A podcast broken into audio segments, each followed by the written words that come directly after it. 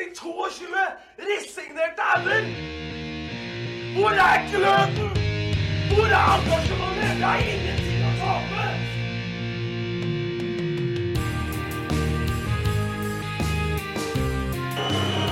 Ja, forlenges tid på Martin Ramsland. Skal du sette etter? Og så gjør han det! Martin Ramsland! Har du sett?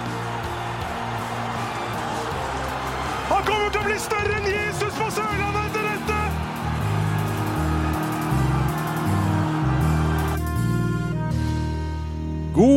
påske, kjære lyttere av Start en pod, og velkommen til eh, episode nummer Eh, 20, tror jeg det er kommet til er nå. til nå. Ja. Det var Tommy Iversen, Lars Benestad. Yes, jeg holder på å lage et påskelam til dere. Ja, du, ja, du er jo tross alt en biolog, så dette med kjøtt og sånn, dette er du vel god på. Eh, Påskeaften. Påskeaften. da er det påskelammet som gjelder. Ja, Og, Det er planlagt hos oss òg. ja. ja. og starten på sitt påskelam er Tor Christian Karlsen, er det så? Det er riktig, ja. Mm. Sportssjef i Start fra 2017 til eh, Åråsen 2019. Mm, Det var det siste han gjorde. Det det siste Eh, han han gjorde. har vi fått uh, sveiva med oss. Hvor er han, Lars? Han er i London. Trodde du at han var i London? Ja, øh, øh, han er i London. Ja, Nei, det, det er greit. Vi forholder oss til det. Ja. For uh, Binsa sto utafor Fagerborg skole og venta på han, men han dukker ikke opp. Nei da.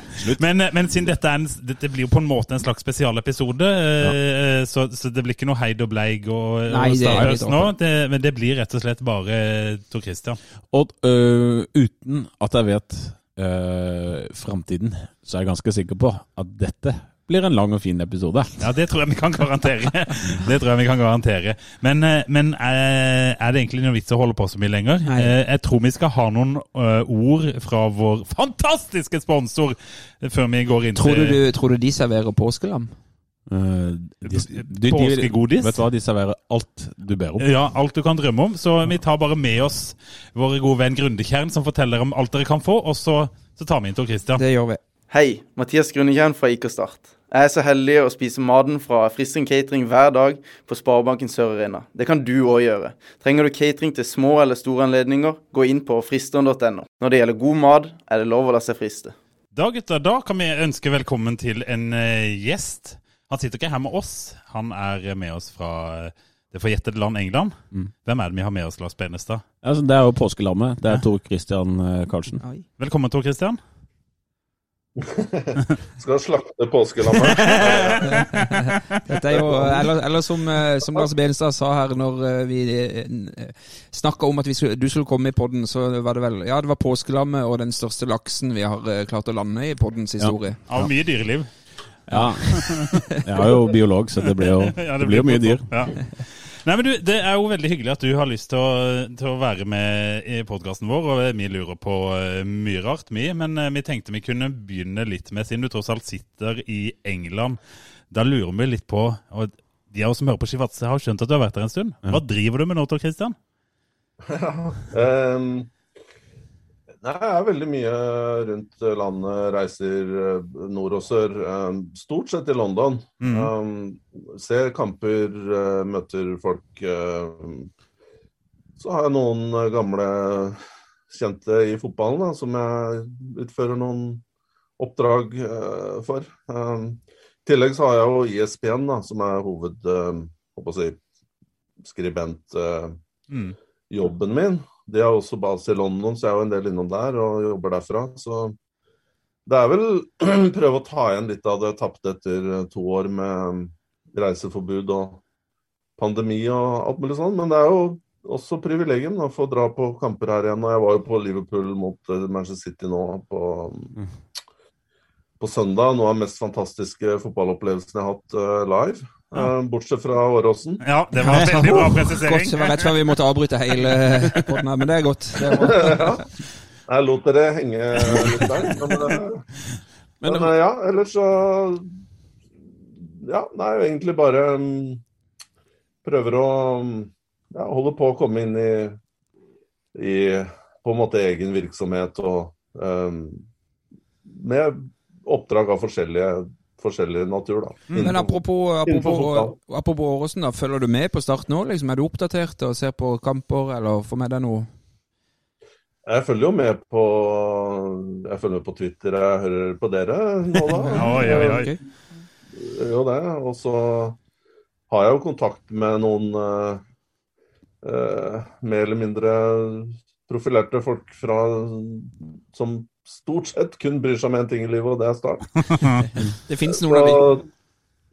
Ja, så det er klart jeg, jeg følger med. Jeg har ikke fått sett noen av kampene. Nå er det jo, jeg vet ikke når dette her legges ut, men eh, det er to, to kamper Mm. som er spilt.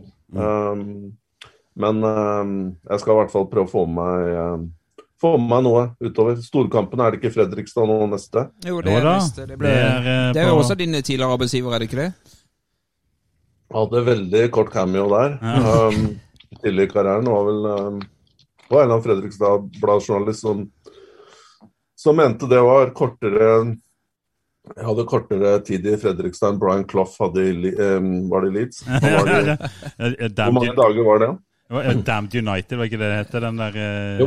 Nei, Jo, det var noe sånn 72 72 dager. 72 dager eller noe. Ja, ja. Mm. Jeg lurer på om jeg hadde så- 65 dager. Så det var ikke mer enn det. Men eh, denne, denne episoden skal absolutt ikke handle om Fredrikstad, for å si det sånn. Men eh, kan vi bare Vi har jo masse vi har lyst til å spørre deg om, selvfølgelig. Du var jo i Start i eh, Hvor lenge var du i Start, Benesa? Åh, det To og et halvt? Ja, to og et halvt år, ja. Ja. Men jeg har egentlig et sånt uh, lyst til å spinne inn på For at du var jo sportssjef i Start, sant? Og vi har jo akkurat fått en ny sportssjef. Mm. Uh, Magni Fannberg. Så uh, hva vet du egentlig om han? Jeg vet eh, veldig lite om han, jeg, for å være helt ærlig. Ja. Eh, Nå har ikke jeg, igjen, jeg har ikke fulgt så veldig godt eh, med. Um, så, så han er ganske ukjent for mitt vedkommende, i hvert fall. Mm. Ja. Men du kjenner til typen? altså Du har kanskje hørt, jeg vet ikke, Siden du hører på podden vår, så hørte du et intervju med han for ikke lenge siden, og sikkert fått med deg noe i media generelt. Det er jo en, en fyr som er veldig på, på talentkjøret. da, og sånn, En sånn type tilnærming, sportssjef. synes- Mener du at det passer inn i klubben?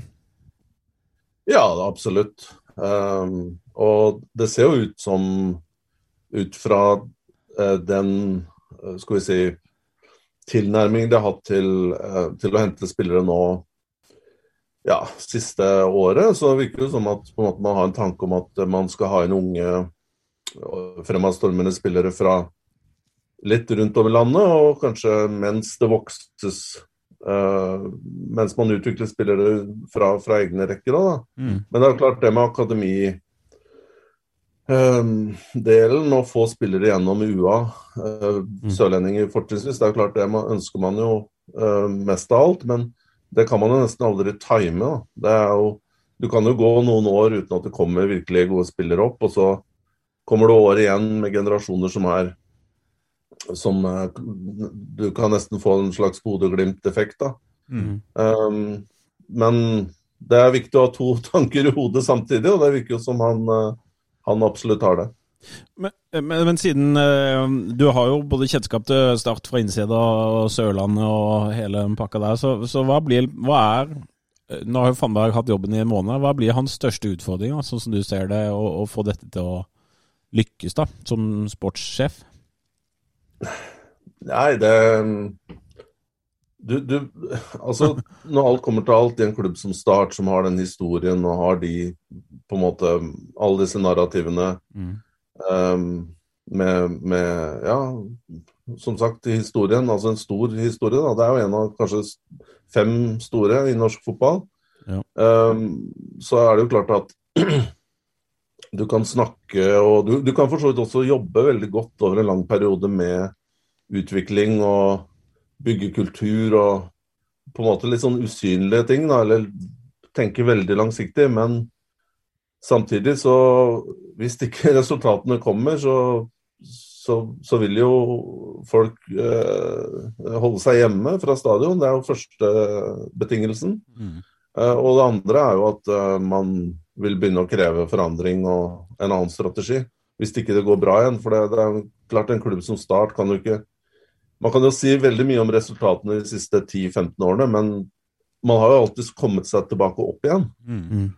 Man har jo bare sånn bounsa mellom jojo mellom de to øverste nivåene hele tiden. Men ingen har jo godt av å være to eller tre år på andre nivå. Og så igjen, den det snakket om at ja, ja, men det jobbes bra her og bla, bla, bla. Det, hvis man ikke leverer til slutt Man blir målt etter den eh, Ikke etter hvordan det går på UA eller, eller hva slags kultur man eventuelt har bygd, men man blir målt på resultater.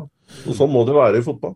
Og, det, og Du beskriver jo på en måte egentlig det som var eh, litt av det som skjedde med dere. da, for Jeg har lest noen gamle intervjuer fra, fra både deg og Langeland og fra den tiden. Og, og mye er jo snakk om at Dere svarer jo veldig mye dette er et langsiktig prosjekt osv. Men så til, til, slutt så er det resultatene som gjør at prosjektet ikke holder lenger. da. Men, um, så det er jo interessante tanker du har likevel. da. Men, men ja, vi skal ikke gå Ja, snakk. Ja, men jeg er jo ikke helt 100 enig i det. Og altså ja. Problemet i den perioden der, da mm. og nå skal Vi kommer jo selvsagt inn på det. Vi kan jo starte Bare kjør på. Skal ikke jeg ta, skal ikke jeg ta programlederrollen her, men altså um, Altså, store utfordringer i det i, i den perioden der var jo den starten vi fikk på 2018-sesongen, mm. det ødela jo absolutt alt. Mm.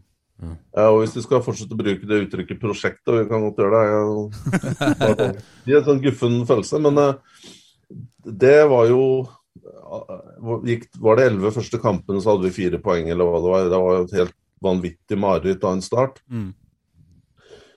Så rykker vi ned da på Eh, målforskjell er det vel, eh, tror jeg. Jeg har ikke orka å se på den tabellen etterpå. Ingen her heller som har 100% sant. Og jeg, det er helt eh, Fortsatt gjør meg trist å tenke på det. Mm, ja.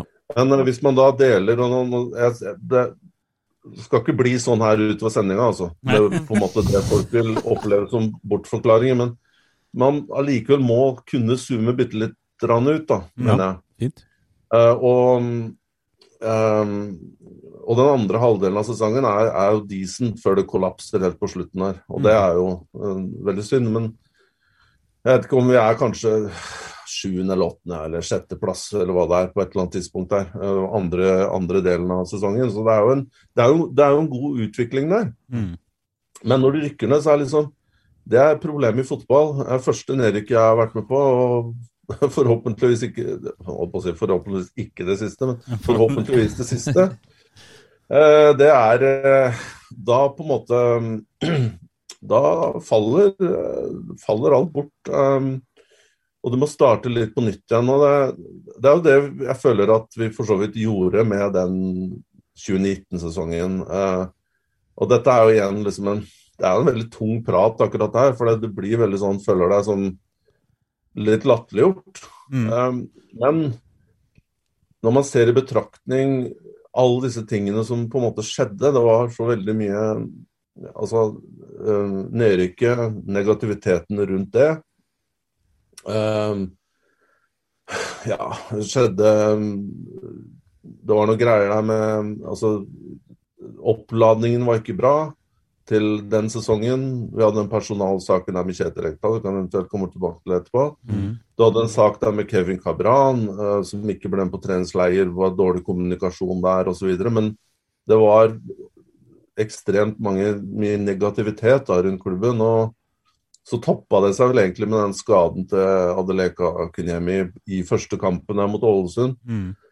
Han hadde vært faktisk uh, veldig god i den oppkjøringa der. og hadde vi hatt han på banen hele sesongen, så, så tror jeg nok vi hadde slått Sandefjord om andreplassen. Ålesund var det jo ingen som kunne ta, men igjen, dette her blir litt sånn comical, comical alley. Men uh, altså, hvis man ser på poengsummen som vi fikk, da jeg lurer på om det var, var det 64 eller 65 poeng, men jeg så i hvert fall på det en gang, og så tror jeg, det, jeg tror det er ett jeg tror det er kun ett lag, jeg. og det er Sarpsborg tror jeg, for ti år siden som ikke rykka opp direkte på den poengsummen. Mm, mm, ja. um, men hadde vi rykka opp direkte, så hadde vi aldri hatt Åråsen der. Da. Um, det er noen som ikke har det likevel. Ja, det er noen som ikke har det, Lars. Ja. Mm. Men jeg bare, bare skyte inn det, er jo helt enig. Det, det er avslutningspoenget her, da. Ja. Uh, på et langt resonnement så skal jeg holde kortere fremover, jeg lover. det, går, det, det var bare ja. Men men uh, det, mitt budskap da, det er egentlig, og det, det handler ikke bare om meg, men det handler også om Kristoffer Langeland. Og det handler om for så vidt også de andre i styrene. Eh, Monica bl.a. Og, og spillerne og Joey og Atle Roar og osv. At klubben bounsa tilbake, da. Mm. Altså, vi, vi, kom oss tilbake. OK, det var via Åråsen og, og, og playoff, men eh, vi hadde en veldig, veldig bra sesong. Eh, men så skjønner jeg også at det var momenter der med det eh, hjemmetap mot Notodden, var det det? 3-0 eller og, og 3-1 eller hva det var. Borte mot HamKam er 4-5 eller jeg husker ikke hva det var. Men, også, så jeg skjønner jo at supportere ble rasende. altså. Det er jo ikke sånn vi skulle fremstå. Men, men jeg tror en del av disse hendelsene som skjedde på våren der, ødela veldig mye for sesongen. Og så tok det spillerne og trenerne og hele klubben egentlig en del uker, om ikke måneder, å komme seg på. Mm. Det er der jeg ville, skjønner du Tor Kristian, jeg ville til den våren 2018 eh, hvor uh, han godeste Dempsey kom inn og i det hele tatt. Men kan vi ikke heller ta og begynne, og så komme dit? Jo, jo, men det var bare siden Tor Kristian ja, ja. nevnte det, og dette med, med, fire poeng på de første elleve kampene. Og vi har jo tidligere i podden her snakka om den her hjemmekampen mot Sandefjord. Vi tapte 4-1. Ja. Den utsatte kampen mot Stabæk som egentlig skulle gå i runde to. Vi snakker om litt sånn tilfeldig. Vi fikk en god start med Tromsø 4-0. Altså, så gikk det tre uker til neste kamp? Ja, det var litt av de greiene der da, som, mm. uh, som gjorde at vi kom litt skjevt ut. Og som han sier, det er ikke noe, det er ikke noe bortforklaring, og sånn, men det har vært en del sånn uheldige ting den sesongen der, som, og målforskjell til slutt der, som sendte oss ned. Men, men, du kom vel inn sommeren 2017, eh, Tor Kristian, er ikke det riktig? Jo da, det stemmer det. Mm, og da var det rett etter eh, Starten Drøm eh, kom, men det var vel omtrent samtidig? Det var vel omtrent i Dragsund? ja. Det var nå to-tre uker etterpå. Har du noe, hvordan var den prosessen? Um, den var egentlig som en vanlig um, Litt som jeg har opplevd andre lignende prosesser. At uh, jeg ble kontakta av Even uh, uh, i det tilfellet her. Og, hadde egentlig en god prat på, på telefonen først. Fortalte litt om hva, hva, dette dreide seg om. Og, og så hoppa jeg i bilen og tok en tur til Kristiansand. Hadde et møte der med han og og Kristoffer Langeland og Robin var vel der på det møtet. Reed. Mm. Um, og igjen veldig positivt inntrykk, og, og jeg tror vi um, ja, delte mye av den entusiasmen. Det, det er jo ofte sånn når du starter på noe nytt i fotball, så er det jo er, Alle vil jo at dette skal lykkes, og det er positivt, og det er noe nytt, og du kan gjøre ting du ikke har kunnet gjøre tidligere. Da, som i tilfellet med Even, som hadde vært leder i klubben under ganske økonomisk anstrengte tider. Um, så det var vel mye av den entusiasmen der da, som, mm. som smitta over på meg. Uh, og, og, etter det så hadde jeg vel prata med Langeland og uh, Even en to par ganger til. Så, så, gikk det jo ganske fort, egentlig, før, jeg, før vi ble enige om en avtale og, eller samarbeid. Og så tror jeg detaljene de, de ordna vi mer eller mindre på på, på, vei ned mens jeg kjørte. Det For du hadde tilholdssted i Oslo på den tida, var ferdig i utlandet, eller hvordan var situasjonen? Ja, det var riktig. Jeg var Jeg hadde vært i Israel eh, litt over et år. Og, det var den, det, ja. Mm. Ja. Og da var jeg Jeg var vel tilbake i Oslo da sånn slutten av juni, og dette her starta vel da i i ballen der begynte å rulle sånn i kanskje inn i tredje uka av juli. da. Ja. Men etter det, på en måte, ok, jobben er din, da, så, så er jeg litt sånn spent på hva, hva var det Sto du fritt til å bestemme noe, eller fikk du en arbeidsbeskrivelse fra starte en drøm, eller hva var En bestilling, tenker du på, ja, liksom? Altså hadde du Fikk du Var du sportssjef, og så sa de 'gjør jobben din', eller hadde de en tydeligere bestilling på hva du skulle gjøre, osv.? Eller var det styret som ansatte deg? Beklager, by the way, jeg er bare i forkant. Jeg jeg har en forkjølelse her som jeg holdt uh, som jeg holdt liv i flere uker her. Så det blir hosting og, hosting og ulyder. Beklager det. Altså. Men uh, nei, ja, altså, jeg vil jo si at um, hvor, er, hvor er du nå på en måte i, i kronologien her? Er du Nå er vi jo på ansettelsesprosessen, da, til hvilken, ja. hvilken grad du fikk bestilling på hva du er, Ja. din jobb skal være. da. Men spørsmålet er ikke hvordan det så ut da, og hvordan det ble i praksis. Er det det du skal fram til? Kan vi ta det med en gang? Du kan gjerne ta det med en gang hvis du vil. Nei, eller, Ja. ja. Ja, ja, Snakk du, da, så kan jeg høre om du Ja. eh, Nei, altså jeg, jeg vil jo si at den um, altså sånn, sånn er det jo i alle fotballklubber. At det er jo, um, i hvert fall i Norge, um, så er det jo styrene som, som bestemmer. Altså som har Mm. eh, til slutt avgjørende myndighet. Eh, og eh, over meg eh, i diagrammet så var jo Even Så jeg rapporterte jo dels til Even og dels til Kristoffer Langeland. Som, og det, det fungerer jo fungerte greit, syns jeg. Det er ikke noe å utsette på det. Um, og så var det opp til dem å ta ting videre til Geir, da, som var um, av IK. Ja. Um, så Og den på en måte fordelingen der var jo ikke noe jeg la meg opp i um, og hadde noe særlig med å gjøre. Men um, det, det her var jo Jeg ser jo på den sportssjefrollen som en veldig sånn Altså Kanskje Dette er refleksjoner jeg har gjort i etterkant, men det er jo klart at du får jo ikke mandat. Det, det, står liksom ikke en, et brev, en side der du, så, her, du skal bestemme alt. Mm. Vi skal gjøre det på den måten. Eh, Sånn, sånn fungerer det jo ikke, og sånn vil heller ikke jeg ha det. Jeg har på en måte hatt den rollen tidligere, hvor du har på en måte kunnet Du har veldig vide mandater, og, og du går egentlig bare til eieren og får det stempla, og så off you go. Mm. Uh, men her så eh, var det i hvert fall en tanke fra meg fra, fra eh, første stund om at her må det man må bruke soft power, da, på en måte, altså involvere folk. Og, og det handla også litt om at det var nye investorer der.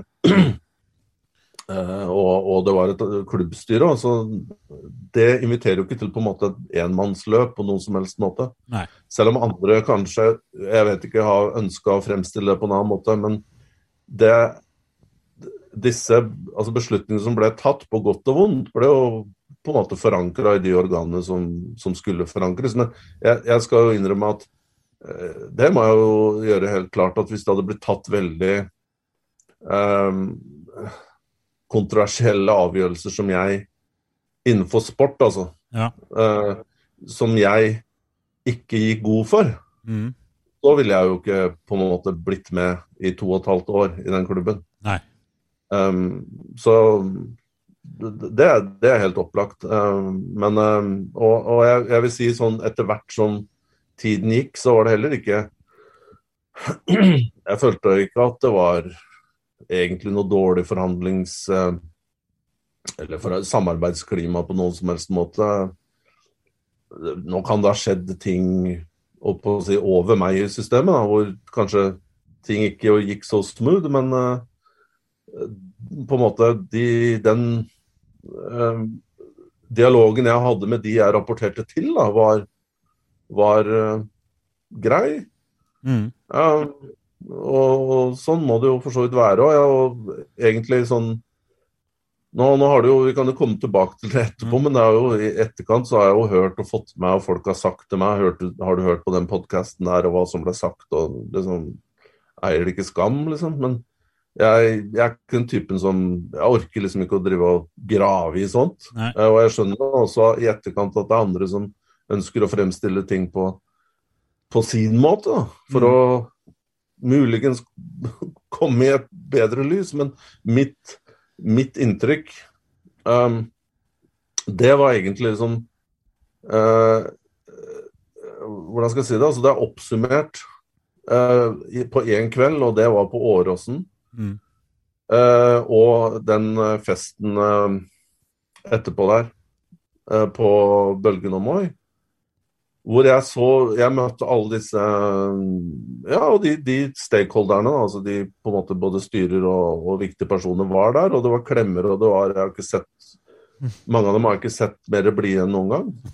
Og det, og, og, og det er mitt siste på en måte minne med Start. Altså det Det endte på en måte jeg, jeg skulle gitt veldig veldig mye for at det nedrykket aldri skjedde, og det kommer jeg til å ta meg i grava. Det høres veldig veldig dramatisk ut, men det, det har Så jeg dramatisk fortsatt er det. Nei, men jeg har fortsatt problemer med å prosessere det, for det, det er Det var en ekstrem eh, nedtur, både personlig og profesjonelt, og for på en måte alle. Eh, Liksom hele Du blir jo glad i klubben, du blir glad i menneskene der, supporterne, du blir glad i spillerne og, og, og, trener og støtteapparat og alle, og så vet du at dette kommer til å få så eh, potensielt dramatiske konsekvenser. Da. Men, men tenk at akkurat det samme, det er jo, den sitter jo vi supportere med òg. Altså, det, den, det året der hvor Deadland Deadline Day var jo en eh, Altså, det var jo et sirkus. Det var jo en utrolig kul tid, syns jeg, å være startsupporter. Det skjedde så mye rundt klubben. Det kom nye spillere. Det var så mye som Hvor skjedde. er, hvor er du nå hen? Ja, det samme.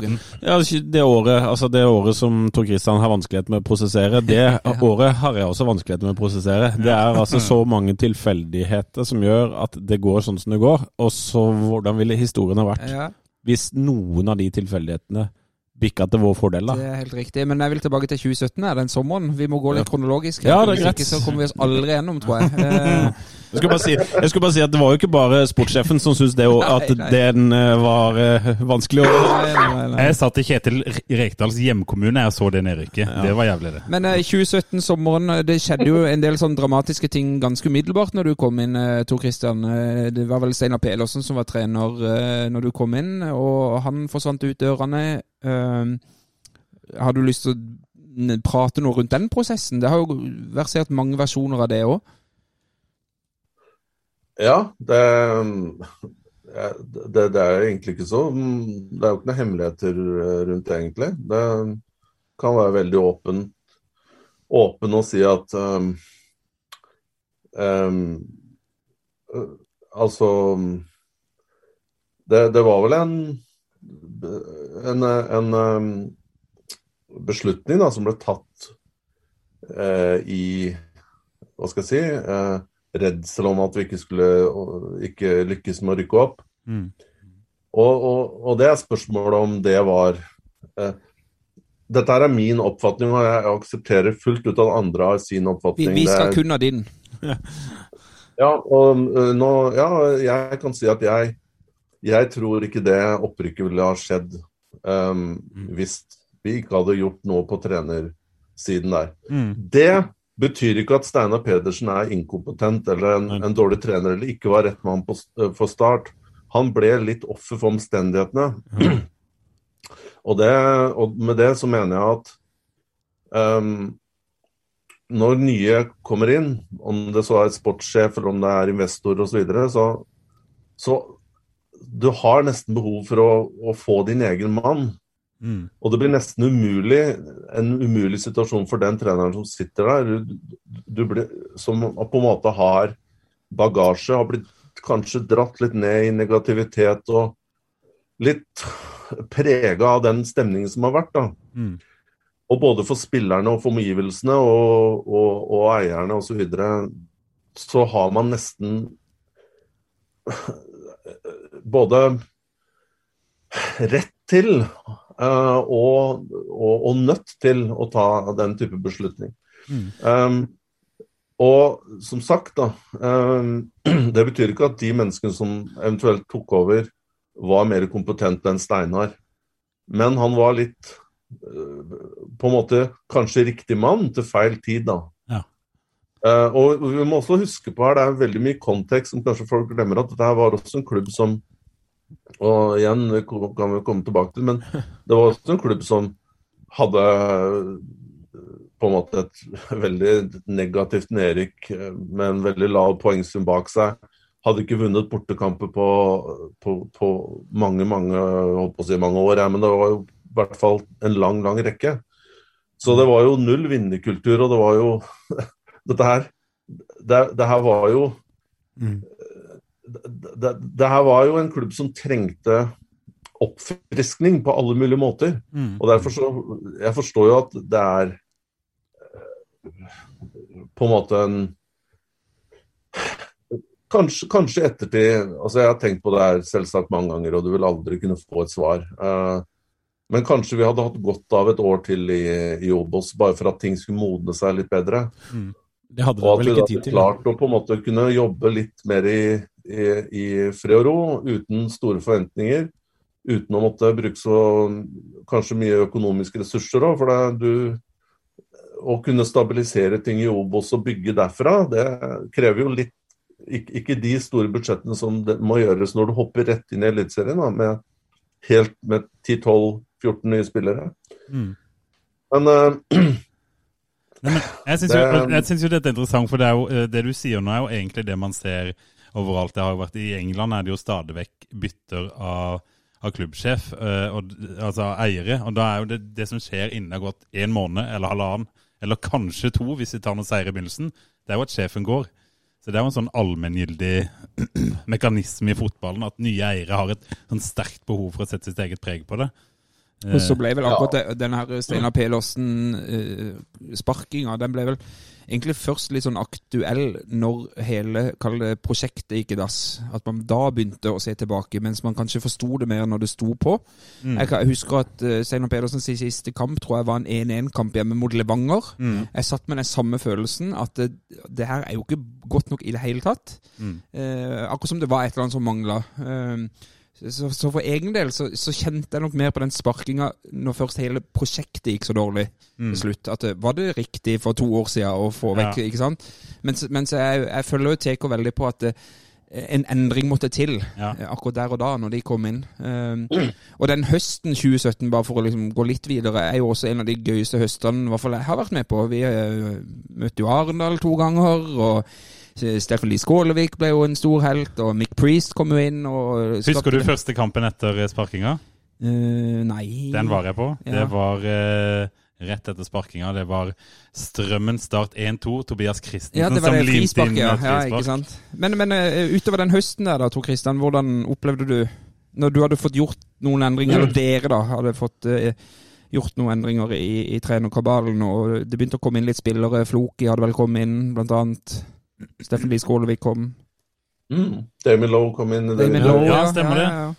var jo ikke så kanskje eh, Var jo ikke så involvert han i den på den høsten her, litt på grunn av Litt av landslagsspill og litt skader og utvisninger. Og, Utvisninger i byen, ja. Stemmer det. det, det, det var høsten der som det ble resten av startoppholdet, på en måte. Ja, det ble det. Men, eh, men, men jeg, jeg vil jo bare spole bitte litt tilbake igjen, da. Ja. Ja, ja. Og bare ta den Hvis du avslutter den um, ehm, situasjonen der med Steinar Pedersen, så jeg skjønner jo også at det her I ettertid så, så kunne jo selvsagt Altså med, med baks... Altså når du ser på en måte ting i retrospekt, altså så er det veldig enkelt å eh, komme opp med løsninger og jeg, jeg- jeg ser jo kanskje at måten, måten det ble gjort på, var, eh, var kanskje litt for brå. og Vi burde kanskje heller vente at etter den kampen mot Strømmen, av da var det vel landslagspause, tror jeg. um, så og, og Steinar hadde vel, han var vel da borte hele uka, for han var på trenerutdanning i Sveits, tror jeg. Så han kom jo tilbake på torsdag kveld, og så er det liksom rett til møter. Og, og så er jo den, den situasjonen der med Erik Rutford da i tillegg, eh, som Det er jo klart um, Det ble jo komplisert da i tillegg, fordi det er en mann som har vært i klubben i 40-45 år, 50 år.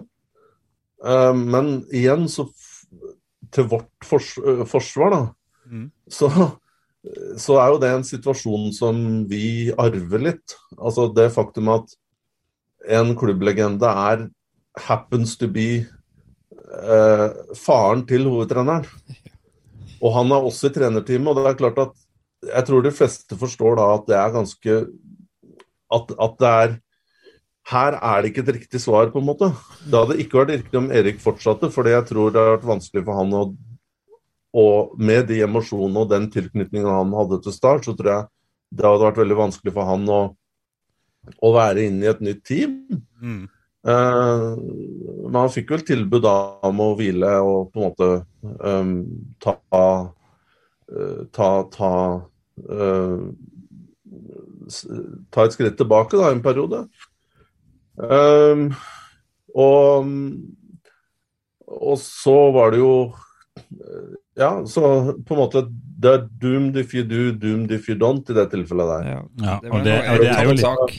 Det er jo litt sånn, som du sier, det har jo ikke tenk, jeg egentlig ikke over det der, men det er jo svært uvanlig at det er eh, en far og en sønn i et Samme trenerteam. ja, ja. Og, og keepertrenerne, de går jo ofte Men ikke bare det, men også legender, da. Ja. sånn, egentlig begge to er jo på en måte start eh, Og det er jo klart eh, i og med at det gikk som det gikk til slutt, da Ja. Vi skal bruke det gikk som det gikk-begrepet igjen, da. Så, så vil jo det backfire på en måte på de, på de som, som tok det steget, da. Med å få de ut.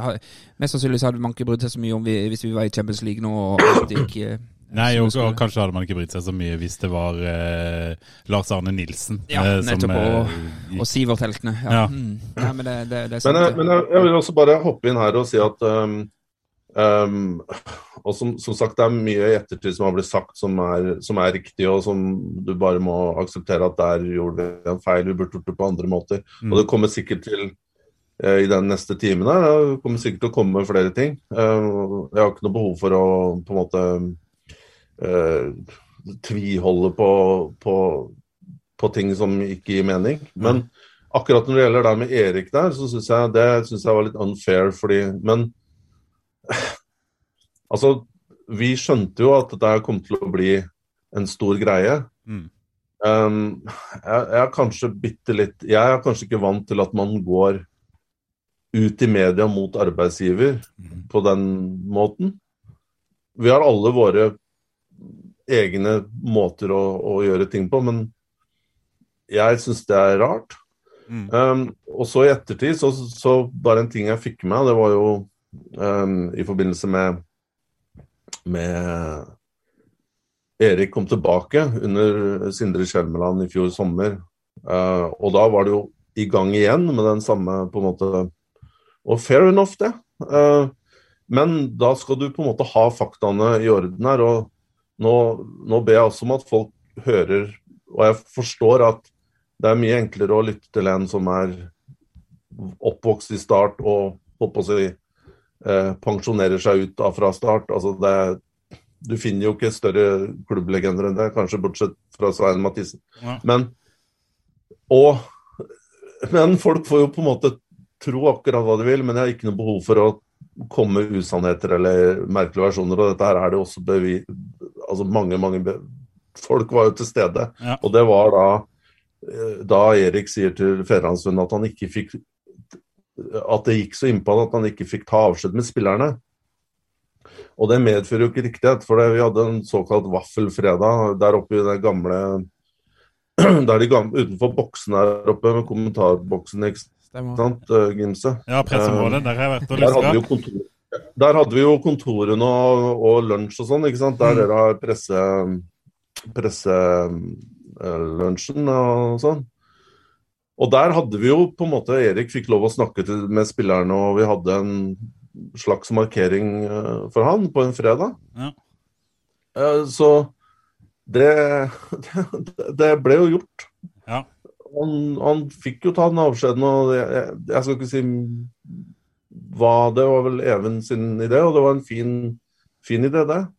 Men hvis du på en måte du, Og det er greit, som jeg sier, at eh, det er overhodet Vi har kommet oss videre, og bortsett fra den Erik jeg har kanskje ikke kommet meg videre fra akkurat det, men vi, vi skal alle på en måte leve videre, og vi har gjort feil og sånne ting, men rett skal tross alt være rett. Nei, men det er, jo, det, det er jo Um, derfor vi også vil prate med deg, Tor Christian, for at du kan komme med din versjon av dette her. Eh, Og det, det, vil, det vil jeg også si på det punktet her, da, for det syns jeg er litt viktig. at Jeg syns også det er veldig spesielt, og du har helt rett, var vel um, var du, Tom, som brakte opp det, om at det på en måte narrativet og det som skjedde på høsten 2017, blir dratt frem igjen når Start rykker ned i 2019. mm, Eller var det 2020? var det det? 2020, ja. 2020, Mm. ja. Mm. Ja. eh, det skjønner jeg jo ingenting av.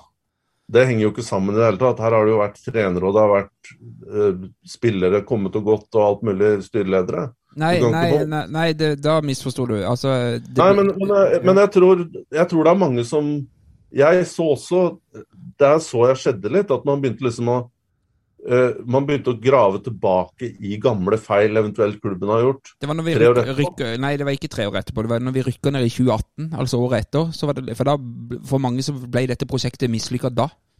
Ikke sant? Når vi, når, vi, når vi rykka ned første sesongen vi hadde klart å komme opp. Det var vel egentlig da man begynte liksom å tenke i alle dager. Men, men du har, men, eh, samtidig så vil jeg gi han litt rett, for eh, når, ved nedrykket i 2020, da, da kom man jo på en måte til et sånt punkt der Ja, det var runde to, da. Eh, Ja, av dette. det er runde Ja. to av dette, og da begynte slitasjen å bli så stor at man liksom Ja. dro med seg alt det som hadde Og det var jo da hekta på start en drøm, Selvfølgelig. selvfølgelig. Ja og at man dro med seg alt det som hadde skjedd i Men det er en supporters privilegium, tenker jeg. Og jeg er jo selvfølgelig rett. Altså, det, er jo, det er jo ikke riktig sånn i det store bildet, men, men, men sånn fungerer hodene til oss, i hvert fall. Eller meg.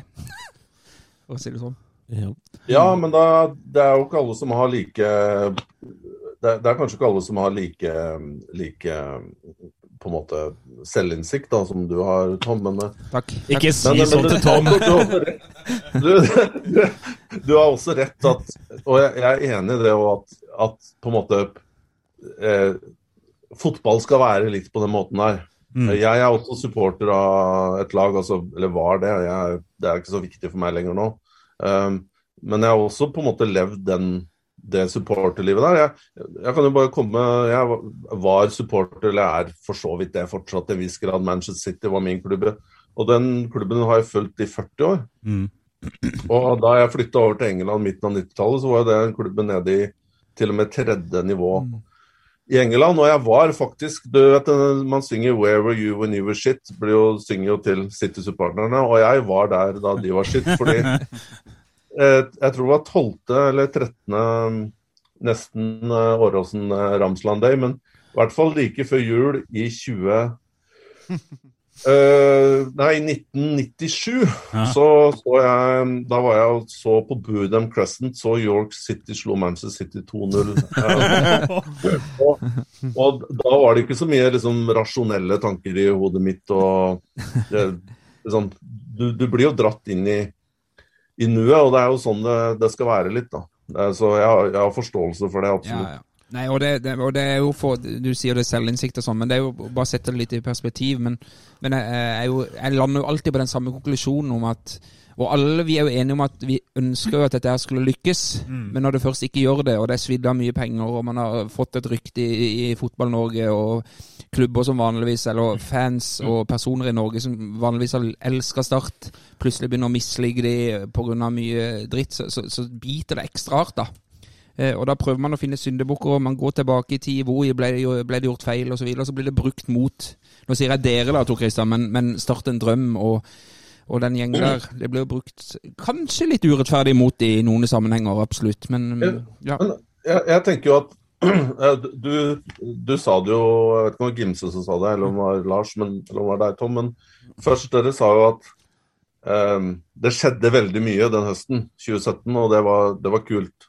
Mm. Og jeg, jeg, jeg kan jo se det fra supportersted at det var på en måte nye, nye ting på gang, og det var optimisme igjen. Og jeg husker jo den kampen mot Strømmen der. Mm. Um, by the way, jeg har aldri sett Daniel Aase jobbe så hardt defensivt. Han, Fra den symbiotiske podden. Ja, han blir alltid nevnt. eh, og, og Tobias også var, eh, var fantastisk i den kampen. Men jeg må, jeg må rette meg inn i en ting før du går videre, Tor Kristian. Vi sier det, jeg, Ja. jeg sa at det var mye bra som skjedde den eh, høsten 2017, men det var et par ting som var ordentlig skitt òg. Det var jo en logo, Ja. blant annet, som eh, ble brakt på bordet denne høsten, så det må vi ikke komme utenom. Det var sikkert ikke, Ja. du, du var nok ikke veldig involvert der, men, men det var ikke bare positive ting i 2017 høsten. Men, men rent sportslig så var det det. Eh, Med en del eh, kule signeringer og Ja, og det gikk jo oppover og Ja. eh, Tapte mot Elverum og rykka opp på det hjemmebane gratis Da husker jeg var ja. sånn klassisk Gimse-gretten hjemme i sofakroken. Klokka, klokka 13.00 en søndag. Jeg brukte, brukte faktisk halvannen time på å sprette opprykkspilsen. Da. Det er, da er det sykdomstegn på gipset. Men, nei, men fortsett, Tor Kristian. Ja. Jeg bare ta, ta tak i den Strømmen-kampen der. For Ja. det var, jeg, jeg husker jo bare Det var min Det var ikke min første bortekamp. Jeg hadde jo spilt borte både mot Jerv og øh, vant der med Husker Adnan skårte der på slutten òg. Mm. Men den, den turnouten, da. eh, supporter eh, hadde jo nesten en hel eh, Kanskje jeg tar i nå, men er nesten halve Nå er jo ikke strømmen eh, Ja, langsida der, ja, stemmer det. Vi var ganske mange. Arena, men jeg hadde jo måtte ha vært 400-500 supportere der. Eh, og jeg var sånn Wow, der er bare helt vanvittig.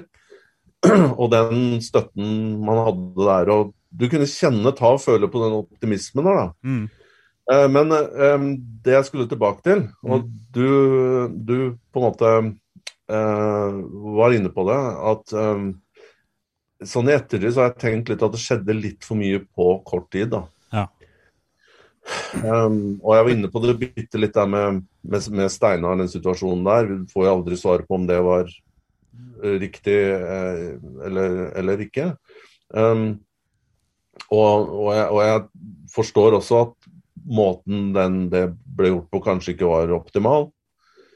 Uh, men jeg, jeg, jeg tror jo eh, det med logoen, uh, med flagget der, uh, altså all den debatten der, jeg fikk det jo med meg. Jeg er en eller annen grunn ikke så veldig opptatt av sånn visuelle sånn designerting og sånt. Og er, jeg er nesten autistisk på det området her, så jeg, jeg ser det ikke. Det, er som for eksempel, det verste jeg vet, er å f.eks. møbelbutikker. og jeg, jeg klarer ikke å visualisere hvordan jeg skal på en måte ha det hjemme. altså Jeg må ha folk til å hjelpe meg med de tingene der. Så det er kanskje litt sånn veldig spesifikt til meg, da. Men Trond Aukland har jo, har jo forklart meg både mens jeg var i start og etterpå hvor mye det her uh, betydde. Altså, så det har jeg jo forstått. Men det er vel så Jeg tenker jo sånn i ettertid at det her ble gjort med god intensjon. Um, fordi jeg vet at de som var pådriverne der, har tross alt starthjerter. Mm. Um, og um, og det som er kanskje sånn fellesnevner da, for veldig mye av den perioden jeg var i Start, um, det er at du fikk egentlig aldri et pusterom uh, til å på en måte føle at OK, nå, nå er vi sånn omtrent der vi skal være, så vi kan, vi kan jobbe med litt andre ting. Vi kan bygge litt, tenke litt mer langsiktig. Vi kan uh, ja, på en måte ta ting ned bitte litt. Her gikk det slag etter slag etter slag etter slag. Mm. Så vi rykka opp i 2017, ikke sant. Og så rykker vi opp, og da, da skal vi bygge et nytt lag. Uten helt å vite hva det innebærer, ikke sant. Mm. Uh, og, så, og, og så starter jo den 2018-sesongen, og da går det bare slag i slag, ikke sant. Med alle disse tapene og en helt forferdelig vårsesong. Og så begynner dette her på høsten igjen. Og det er kanskje den eneste perioden da, hvor det er litt sånn føler at nå, nå har vi fått dette her på riktig, eh, på riktig kurs, og nå kan vi på en måte liksom Nå, nå vet vi sånn omtrent hvor vi står. Men sånn gikk det jo ikke. Og så rykker vi ned, og så er det og så er det liksom all det trauma og dritt da, som et nedrykk fører med seg, rettmessig. Og det er helt greit, så, for det er på en måte Det gikk ikke sånn som, som man hadde planlagt. Og så kommer jo den uh, Igjen, da, nå spoler jeg litt for fort fra meg, men det, er bare litt greit å ta det i rekkefølge. da, eh, og. Så kommer den vinteren, og så kommer den våren med alle disse tingene vi snakka om der. Og så var det i gang igjen. Og så tok det kanskje tre-fire måneder før klubben liksom kom ordentlig i gang igjen etter det. Så det, det var to år hvor det liksom skjedde ting. Og jeg er vant til at det skjer ting i fotball, altså, for all del. Og jeg har vært med på mye rart, og både positivt og negativt. Men dette her var Det var eh, ekstremt, vil jeg si. Men, eh, men den vinteren da, før 2018, når vi hadde rykka opp, kan du, kan du dra oss tilbake til den vinteren der? Hvordan jobba du som sportssjef? og hvem, hvem hva, det, det, Vi måtte ha ny trener. Um, Dempsey kom jo inn den vinteren der. Kan du fortelle oss litt rundt vinteren 2017-18? Før, uh, før comebacket på toppnivå? Ja, vi har um, vi, Ja, du, vi klinsja opprykket der mot Elverum. Og det, det er helt enig, der er jeg helt enig med Gimse at uh, det, det var også en av, en av mm, Ok, der ble mange, men det var i hvert fall en veldig stor skuffelse den kampen der. Mm. Hvor det var litt sånn festatmosfære, og det var flott vær, og alt lå til rette. da. Eh, Elverum var jo nesten rykka ned i tillegg. Ja, de var vel allerede rykka ned, faktisk. Ja, det var nesten noe sånn. Nei, de hadde, de hadde et håp, for Ja, de var veldig blide og kom og liksom Ja, okay. dekket til, og nå skal, vi, nå skal vi vinne neste kamp, men de rykka jo ned De gjorde det. eh, til slutt. Og jeg tror de skårte på en corner òg, stemmer det? Ja, det og, men ikke bare det, men vi tapte mot Elverum hjemme, så tapte de også aller siste runde mot Åsane borte. Ja. Så vi Ja. avslutta sesongen med to tap. Ja, og det var også Jeg husker jeg snakka med Mikk om det etterpå, så sa jeg hvorfor på en måte Hvorfor toppa du laget i den kampen der? Altså, for det gjorde jo faktisk det. Ja.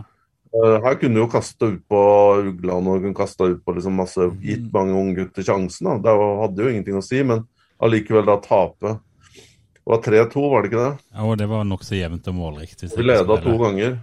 Det stemmer helt sikkert. Det er fortrengt, men jeg bare husker at det var tap. Men, men, Men, men det er jo eh, sånne ting som Men eh, ja, etter det opprykket så, så har vi jo en del samtaler og møteaktivitet og Og vi er vel egentlig ganske samstemte om at det er, eh, det er Altså, hvis målet er å etablere Start over de neste årene i, i Eliteserien, så må vi legge det fundamentet nå. Mm. Uh, og, uh, og at man på en måte finner en, en OK balanse over eh, litt, litt rutine. Spillere som er gode nok til å, til å, til å lede de yngre, da. Men hovedandelen skulle være da yngre spillere.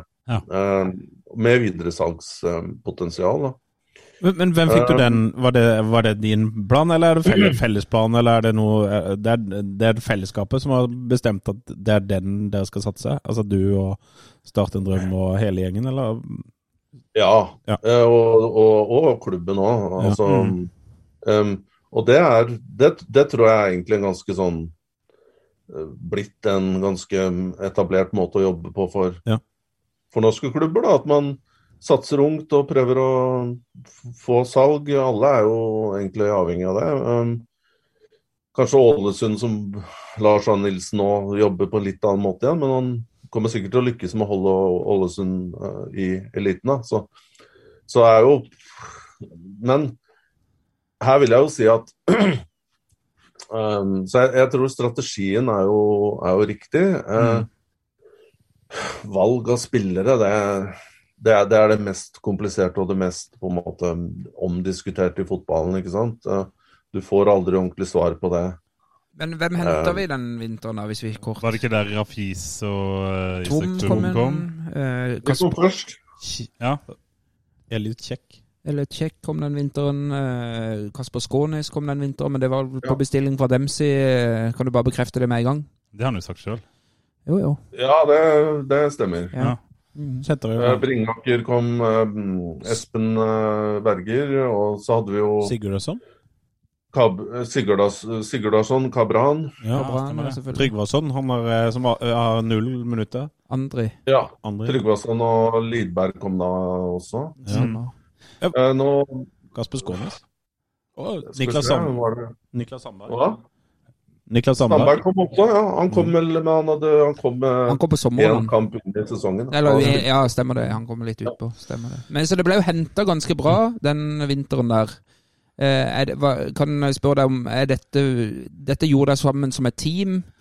Eh, og det var en del av dine referansepunkter som ble brukt, vil jeg tro, Tor Christian?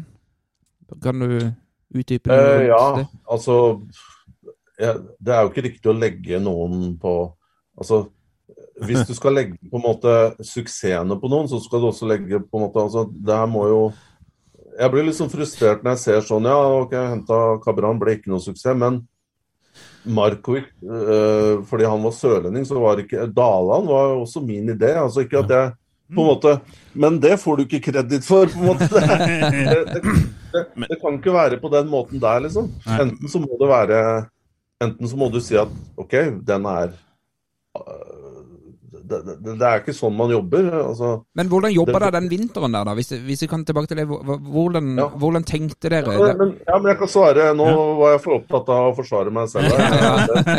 Jeg ble for, ble for defensiv her nå. Men eh, det var egentlig en, en variasjon av Um, altså, jeg kan jo bare klart si um, Mick var og så Dette er jo dette er jo offentlig tilgjengelig. Det er ikke det jeg legger ære eller skyld på noe, og det er ikke i det hele tatt intensjonen her. Mick var og så Tjom og Aremu i, i, i Vafu. Mm. Um, Tjom hadde rapporter på tidligere, så det var liksom kanskje ikke han så um, liksom, Men uh, Afis Aremu var det han som spotta fra første stund. Mm. Uh, hva med de andre? altså Tryggvason var jo Andreas og så på i, i Bulgaria, tror jeg. Så, og, og, norsk fotball, så er det klart jeg lener meg jo også mot til, kompetansen til mange andre. Kjekk hadde jo spilt under Mark i, ja, i Djurgården, ja. I Djurgården, ja. Og det var jo for så vidt et skup å få han til start. Det var Jo, en av mine favorittspillere de siste årene, faktisk. Ja, veldig god fotballspiller. Og, um, men, og det var jo Marks fortjeneste at han, at han kom til start. Um, og Cabra nå er jo Du har sett en del på, på, på høsten her. Um,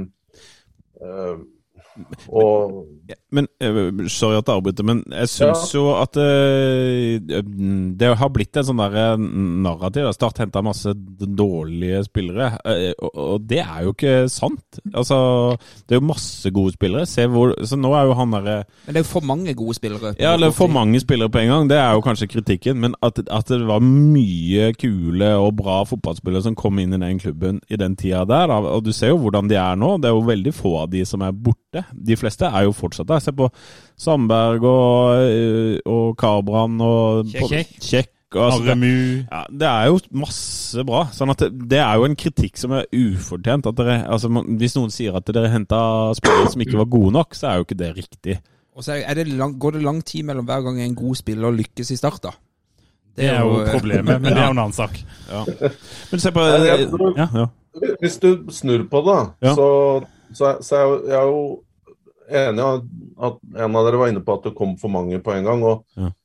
jeg, og det var mitt overordna ansvar her, at jeg ikke klarte å på en måte kanskje balansere akkurat at det var overvekt i noen posisjoner. At du ikke klarte å få inn Vi var desperate etter midtstopper. Mm.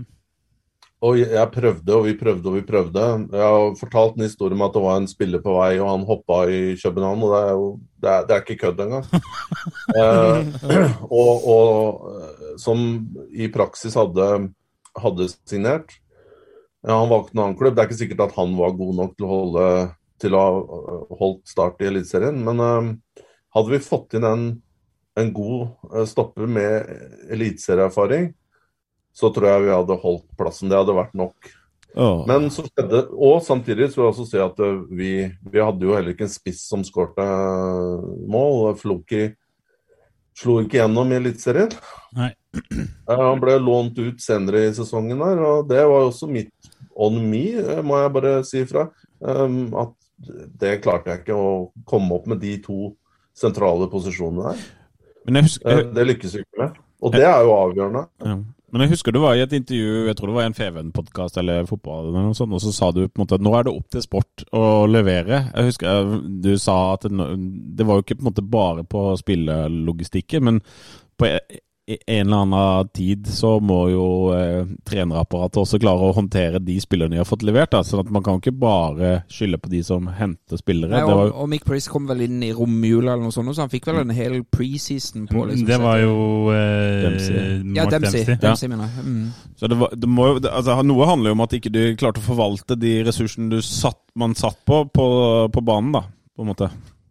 Ja, det, det kan man jo si, men, eh, men jeg, jeg, skal ikke legge skylda over på noen Nei. andre her, ja, nå, men uh, akkurat um, jeg, jeg, jeg, ser jo at um, mange, mange spillerne var nye til Eliteserien. Ja.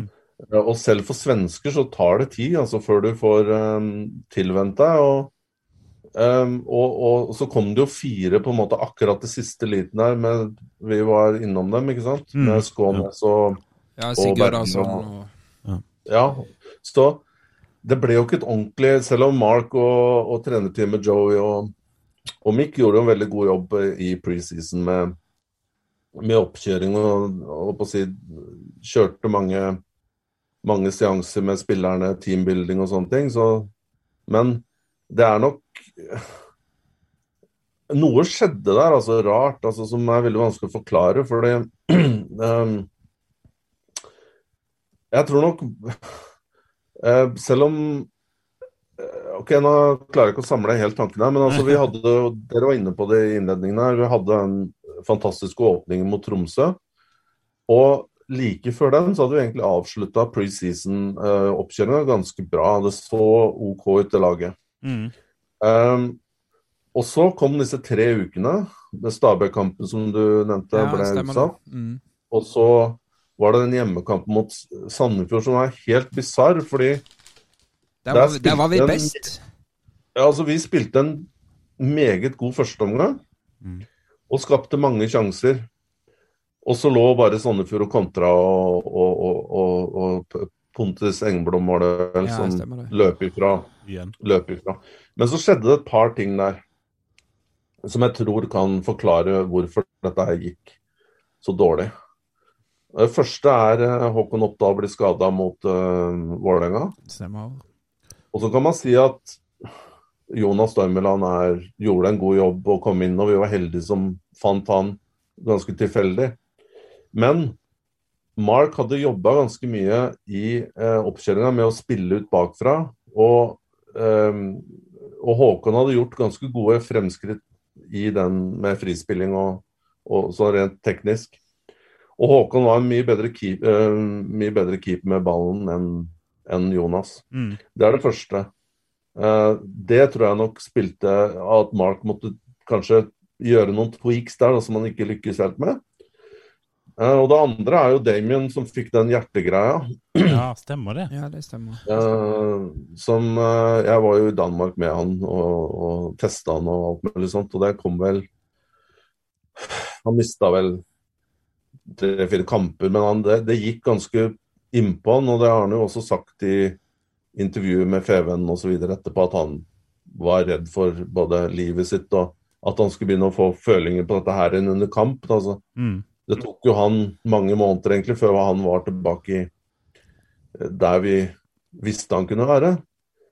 Så det er liksom eh, Men utover ut, så, så det tror jeg er sånn med med, med Altså med tiden til hjelp og analytisk blikk, da, så tror jeg nok det er mye av forklaringene ligger der. Og jeg, så jeg, jeg tror nok spilletroppen sånn se var Den var ikke så dårlig som at den skulle ta fire poeng på elleve kamper, i hvert fall.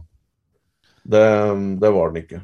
Nei, men det er jo litt av det som er jeg holdt å si, forbannelsen med fotball for oss som heier på Start. At, Men eh, eh, tror du TK kan touche innom eh, Son Spa, når vi først er på våren 2018, og denne, eh, før denne 16. mai-kampen mot Sarpsborg, eller hva det var? ja, det har blitt omtalt. noen Det har blitt omtalt noen ganger.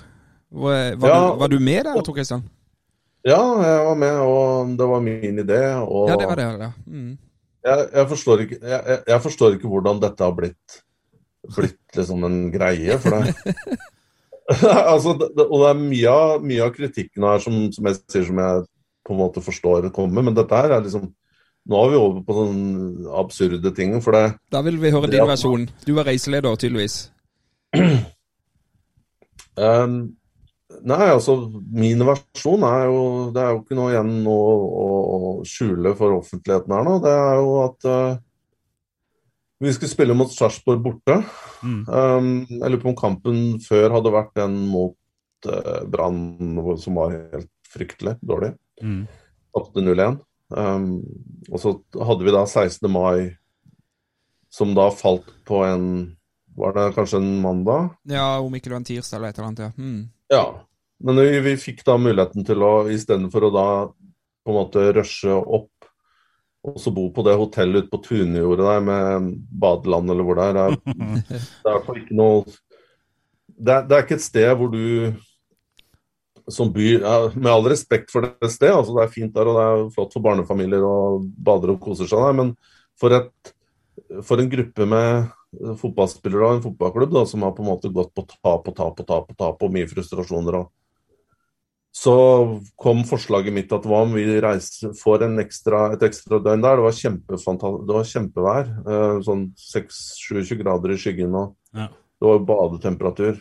Så at vi prøvde å um, kanskje legge opp til den kampen, eh, 16. mai, på en litt annen måte. Mm. komme litt mer sammen og være mer sammen, gjøre litt andre ting. Ikke tenke så mye på fotball, ikke fokusere på fotball. Og da fors var forslaget det igjen, det var mitt forslag, og jeg, jeg klarerte det med Mark først. Og så sa jeg at jeg foreslår at du tar deg en liten um, du, du får en hvil i bakken, og pust i bakken etter det. Og du kan ta med deg en bok og sette deg på svaberg her borte og bare tenk på deg selv og prøv å koble ut. Mm. Må også huske på at Mark ble, fikk eh, Han kom jo eh, i problem med dommeren etter Vålerenga-kampen. Ja, Eh, og, og, og måtte sone, og, og igjen da mot Odd. Så det er klart at han var jo også Hadde vært igjennom litt da på den våren der. Ja. Og det skjønner jeg, for det er Mark er en type som virkelig har hjertet utenpå hva man sier, heart on his sleeve. Altså han, det er jo, han er jo 100% inn sausa inn eh, Altså alt handler jo om fotball i livet hans, ikke sant? Mm. Så ideen min var at kanskje hvis du kan bare trekke deg Eller få muligheten til å puste litt ut. Nyte fasilitetene, spille tennis med Joey, og det holdt du jo på med. Og, og så kan Morten Djupvik og jeg, meg prøve å eh, gjøre noe nytt med spillerne. Mm. Eh, og det vi gjorde, var jo at eh, Morten og jeg vi designa et program som vi, som vi da gikk gjennom med spillerne, som gikk på litt teambuilding og bli bedre kjent med dem og høre hva de tenkte om det vi gjorde, og hvorfor vi ikke har lykkes, og hva de tenker om klubben. Og, altså Bare få tilbakemelding på ting og få ut en del ting. da. Mm. Og så mye frustrasjon der. Og du kan ikke trekke hovedtrener eller trenerapparatet inn i det her. Da, er du liksom, da kommer du ikke noe vei igjen, da. Um, så det var ideen at vi skulle lufte ut ting, prøve å alt skulle komme ut, Mm. egentlig. Mm. Altså, selv om ikke det ble noe sånn eh, umiddelbar uh, resultat av det på selve kampen uh, 16. mai, den tapte vi jo, men de fire påfølgende kampene ga oss faktisk syv poeng. Og der ser vi en slags endring i, uh, ja, i hvert fall i resultatet, da, for vi hadde jo fire poeng på de ni første her. Ja, ja, ja. Så eh, jeg vet ikke om dere fikk, eh, fikk, fikk Det er også det ut. ironisk. Beklager jeg hopper inn her, men Ja. eh, for det du var inne på det at det ironiske her er jo at da vi kom på en måte altså spillemøtet på kampdagen, så fikk jo selvsagt Mark tilbake eh, spillerne. Og han sto da klar med, med flipcharten og, eller flipboarden og, og hadde forberedt seg til kampen. Og da, da tror jeg det var sånn liksom første ting å huske på. Patrick Mortensen på bakre stolpe, Patrick Mortensen på bakre stolpe, Patrick Mortensen på ba bakre stolpe. Sarpsborg skårer 90% 80% av målene på den måten her. På en eller annen måte, så han stusser eller skårer eller Hva var det? Fire minutter corner, Patrick Mortensen på bakre stolpe i Sarpsborg. Og da tenker du litt sånn da, da, altså da, da er det ikke lett å være Mark Dempsey eller, eller være trener, på en måte. og Når, når spillerne ikke klarer liksom å markere altså Noen ganger så må du koke det litt ned til det òg. Ja. Alt er ikke det eh, liksom det store fordi eh, fordi man bytta logo, eller nå latterliggjør jeg ikke det, altså, men eh, altså, alt er ikke kan ikke tas opp til de store linjene. Nei. Noen, ganger så er man bare rett og slett for dårlig på å ikke gjøre det som blir fortalt. Altså, sånn er fotballen også. Men, da, men, men hva er det vi har hørt om det sonen Spa-oppholdet tidligere, som på en måte var litt sånn Det var den der Det var- skjerminga av trener... Dempsey, det er vel den som uh, uh, har hatt litt forskjellige varianter av historien. Nettopp. At han har på en måte uh, blitt holdt, holdt borte Ja. nærmest mot sin vilje, som Mm. vel har blitt det sånn Men som Tor Christian nå eh, sier at det var nødvendig, og han trengte å slappe av litt. Ja, så det er jo der det, det er jo der Det er jo derfor vi spør om det. Ja, nettopp. Jeg Men bare det litt, jeg kan, det jeg kan her da, at det er, det, det er jo mange ting i bakgrunnen her som heller ikke kan som man heller ikke kan eh, kanskje gå ut med offentlig. Da. Altså, Ja, ja, og det har vært samtaler om Man kan jo bare forestille seg også hva slags samtaler som har skjedd i, i, i kjølvannet av den dårlige rekka der. Ja. Mitt, det jeg kan si, og det må alle bare tro meg 100% på, det er jo at jeg ønska Mark Dempsey var mitt, blant annet mitt valg som trener. Jeg ønska at han skulle lykkes. Mm. Og jeg Det kan jeg sove veldig godt om natten at jeg fikk beholdt han i den jobben, startjobben så lenge som det var mulig. Mm. Um, og det, det, det, kan jeg, det kan jeg si. Og, Mm. og jeg mener også som, som sportssjef og leder for øverste, på en måte øverste leder for sport, altså, så må du også ta noen valg som kan være kontroversielle, og hvor du ser at at når noen, når noen er, begynner å bli stressa og, trenger å på en måte slappe litt av, eh, så, så, så må du eh, kanskje ta beslutninger som gjør at Gi, gi folk den muligheten der, da. Mm. Og jeg ville jo selvsagt aldri skjerma Mark. Det, dette er jo også igjen på en måte, Det er mye av problemet når folk har bare noen små snutter av informasjon her og der. Så legger man sammen, og så får man eh, sånn et uh, surrealistisk bilde. og, og surrealistisk kunst kan sikkert være bra, det òg, for de som liker det. Men det, jeg ville jo selvsagt ikke skjermet Mark mot et eller annet hvis ikke han ville vært med på det. Og de fleste kjenner jo Mark som en ganske straight forward type som sier det han mener. Ja. Men, Så men, men, vi det er jo- men, men, Det er jo ikke meningen i hele tatt. Nei, men å bare fortsette på min elsker å se tilbake på gamle resultater, men etter det oppholdet på Son Spa, så gikk det jo ganske bra eh, resultatmessig. Og da tenkte jeg bare jeg skulle si en eh, ting om det, da. For at i 21. mai så spiller da Start hjemme mot Bodø-Glimt og vinner 1-0. ja. Og på Bodø-Glimts lag så var det da Lajoni, Ulrik Saltnes, Filip Sin Sinkernagel og Marius Lode. Og på benken sitter Jens Petter Hauge, Håkon Evjen og Patrick Berg. ja. Sånn at eh, eh, En gang så har vi i det skiftet der Ja. I det skiftet der så skjedde det noe med eh, Bodø-Glimt. eh, Og eh, for det året der så slo vi Bodø-Glimt tre ganger. ja Med det. de spillerne som nå er blitt verdensmestere i å være Irritere Roma. Ja, vet da faen. Pølser selges nå til halv pris. Altså pølser til halv pris ute i kiosken. Ja da. Ja, Per da. Svein, per Svein kjenner du igjen, eh, Tor Christian? Fantastisk mann, eh, må jeg bare si. Ja. Han eh, ble jeg veldig glad i og savner eh, veldig. Ja. men det er bra. En liten shout til Per Svein. Eh, vi er i sommeren 2018, og må vi raske på å komme oss litt videre her. Men eh, vi må ha noen ord om Adeleka Kunyemi, som vi alle er enige om at så bra ut. Mm. Og så er alle uenige om hvor mye han kosta. Ja. Men det har vel du nevnt, tror jeg jeg har hørt i noen andre podder, at det var aldri de summene som egentlig Som noen kasta ut. Ja, som noen kasta ut. Eh, hvordan fikk dere tak i han, eh, Tor Kristian? Det var egentlig en gjennomgang av um, um, Altså, så litt på ligaer der det var mulig for oss, da, norske klubber, å hente spillere. Så vi, vi holdt jo alltid et øye med Finland og baltiske stater og Island og ja, mindre klubber i Sverige og sånn, ikke sant? Kanskje Mm. andredivisjon Danmark. Eh, men han dukka jo opp da, fordi han skårte så mye mål i både i i Ventspils i ligaen her, og i Europa League, var det vel? I kvaliken. Hadde ikke han noen sånn sju mål i en kamp eller et eller annet sånn spinnvilt? Jeg vet ikke om det var én kamp, men han, eh, han nå. var, i han var toppskårer i den eh, i Europaligaen langt Helt til han gikk til start, tror jeg faktisk. Ja. Men um, så reiste vi. Andreas dro først bort ehm, eh, og kikka. Jeg dro etterpå en gang. Eh, eller jeg var først, og så dro Andreas, og så dro jeg igjen. Så fikk jeg mm, fikk informasjon, og tilbakemelding om at ja, det er ikke helt umulig, men det var så mye styr der med Han hadde blitt satt under press. og Folk kan jo lese seg opp på dette her selv. det er Ja, Um, det, er ganske vill historie. ja, eh, og det har vel også Fe- Federlandsvennen skrevet om, da. Men, Ja.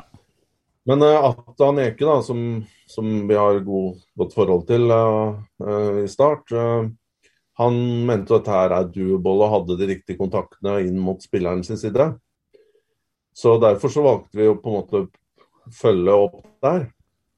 Men det var så mye kluss med Men eh, det, det er klart, når han på en måte forlot klubben eh, sånn inkognito og gjemte seg, som han gjorde fordi Ja. han ble pressa til å skrive en ny kontrakt, eh, så var jo ikke det eh, På en måte exiten hans, eh, endgamet, var jo ikke han i Norge, tror jeg. Det var jo Det var jo mange andre klubber Det hadde spilt bl.a. på Bordeaux, tror jeg. Han skårte og var veldig god i den kampen.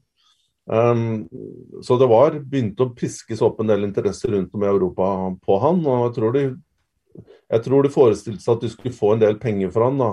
Ja. Altså, jeg tror det var snakk om borti to millioner euro som de trodde de kunne få. Og så ble det jo masse surr og stunt av han. Så, og så kom jo den norske transfer deadline. Uh, og da var det Afis Saremu som snakka også en del med han da, og for, fortalte han om start. og De kommer jo fra mer eller mindre samme sted i Nigeria. Så han, han fikk jo snakka han inn til å tenke på Norge som en mulighet. da.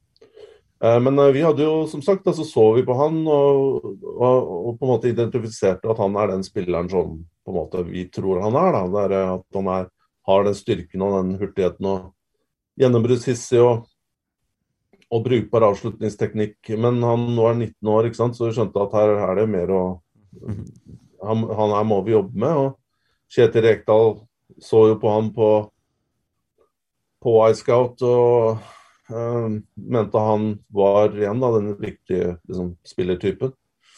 Vi trengte jo akkurat eh, som en med de ferdighetene der da, på topp. Så, Mm. og så ble jo dette her helt Jeg var jo i Latvia og prøvde å få dette her på plass. eh, og jeg tror de som drev klubben der, Ventspils, hadde også problemer med å få tak i eieren som bestemte absolutt alt der. Um, så jeg dro jo tilbake til Norge kanskje to dager før overgangsvinduet stengte, fra, fra Riga, og så trodde jeg at dette her kommer jeg ikke til å lykkes med. Um, og da um, Men siste på en måte 24 timene så forstår jeg at han som var daglig leder i Ventspils, han hadde fått snakka med eieren, og at det var liksom sånn OK, dere kan få spilleren, men vi skal ha det her nå. Ja. Og hva, hva skulle de ha, Tor Kristian? Hva skulle de ha? Nei, det, det er det. Så, så fremt det står i kontrakten at det er konfidensielt mellom partene, så er ikke det Søren noe jeg ønsker å gå ut med. Men jeg, jeg, jeg kan, det jeg kan si, er at det er um, Det er jo ikke i nærheten av de, de ti millionene. Um, så, så kan jo folk Men altså, det er ikke en, det er ikke en uvanlig sum for en norsk klubb på Start sin holdt på å si, størrelse å betale. Nei da, men vi, Så- vi, får, vi får godta det. Vi får godta det. Ja. Men, Men, men, men og jeg bare og, Igjen her, da. Og her ble det jo Her gikk jo ting litt for fort. altså Det er jo veldig bra at vi fikk Adeleke på plass, og jeg hadde kjempetroa på han. Mm. Um, Kjetil Rekdal hadde kjempetroa på han og ga han tillit fra start, tror jeg, alle, alle de gjenværende kampene. Men han eh, hadde spilt to kamper i uka hver dag siden slutten av mars, Ja. tror jeg. Eh, og han hadde spilt på ganske tunge baner, og han var ganske sliten allerede. Og kan tenke dere den greia han var gjennom der med, med drapstrusler og det ene og andre, visstnok. Mm. Så er det jo klart at han kom jo ikke på en måte optimalt heller til start, men eh, så bare for å avslutte om Adeleke, da, så vil jeg jo si at det er jo en tragedie både for han og for, Ja. for Start at det, han fikk den skaden her. For det, jeg hadde i hvert fall stor tro på han. og det han viste også i den oppkjøringa der, da, var, var veldig bra. Vi hadde jo troa mi. Jeg hadde i hvert fall troa. Ja, jeg hadde jo både troa og sansen, det lille Ja. så. Men han, han ser jo ikke ut og jeg, jeg har jo vært litt med han og Jeg var med han til Italia og fikk en sjekk på han der, blant annet. Og jeg var med han på klinikker i Oslo og så på den, på den skaden. Og det her er jo mye mer komplisert enn det som har kommet ut i, i media. Ja. Eh, og når jeg så han spille nå mot Start på slutten av forrige sesong, så er jo ikke samme spilleren. Det er et eller annet med avslutningsteknikken og sånn som ikke er helt riktig. Ja. Det, det kan du bare se på det blotte øyet. Da kan man jo bare se på, på gamle kamper kontra de det som skjedde der, Altså. Så Ja, Jeg men nå, han, han er i Albania nå. Ja, og ikke noen Ja. høyredivisjoner heller, tror jeg. Nei. Hans, hans største han, øyeblikk i Kristiansand var vel da han fikk torsk eh, i båten til Skjulse. Så det var jo Men eh, Men her, her, her, det, det jeg mener med at ting skjedde litt, litt for fort akkurat i de dagene der. Ja. Som sagt, jeg kom tilbake fra Riga, fikk på plass Adeleke der. Den, jobb, den brukte jeg hele den Transit deadline day på. Jeg, måtte, jeg kjørte fra Oslo. Jeg hadde ikke sovet. Igjen, dette er ikke synd på meg på noen som helst måte. altså høres ut som jeg er et offer her. Det er ikke det jeg prøver å Nei, nei. Men jeg, jeg hadde holdt på forhandlinger med han latvieren hele natta.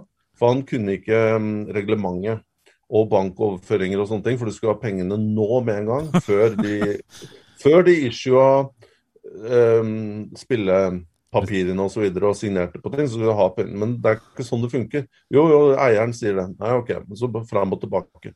Og til slutt så måtte jeg på en måte bare kansellere det, for det, vi, vi, må jo følge de retningslinjene fra, fra TMS og alt mulig sånt. Det må du bare sette deg inn i. Um, så sånn sju-åtte om morgenen så ringte jeg vel Kristoffer Langeland og sa at den er off. Ja. For det, fordi de uh, Det handla vel om utdanningskompensasjon, og at de skulle ha det i tillegg. Ja. Uh, som da er 5 eller? Ja, Og da sa jeg nå gidder, jeg gidder ikke mer nå, bare call it off. I Og bare da- Ja. Fortsett. Unnskyld. Ja, og den skal trekkes fra, da. Den skal trekkes fra, fra og betales fra selgende lag. Og det, og det gjorde de til slutt da de gikk med på det. Og da var det on igjen, ikke sant. Og da begynte vi med kontrakten og papirene. og Hadde leker var da fly på vei og så alt mulig. Og jeg fikk ikke tak i han. Steffen Stenersen lå lur, lurt i buskene på FVN. Ja, Nei, ute på Gard eh, Kevik. Og jeg visste jo ikke om han var på det flyet før eh, Jeg lurer på om det var Jeg fikk en opplysning heldigvis fra noen ansatte på flyplassen her som kunne bekrefte at han var på det flyet, faktisk. Men eh, jeg stoppa i hvert fall flere ganger på veien fra Oslo i bil til Kristiansand for å stoppe og drive og styre med å admende Altså gjøre justeringer på papirarbeid, sende de tilbake, fram og tilbake, alt mulig.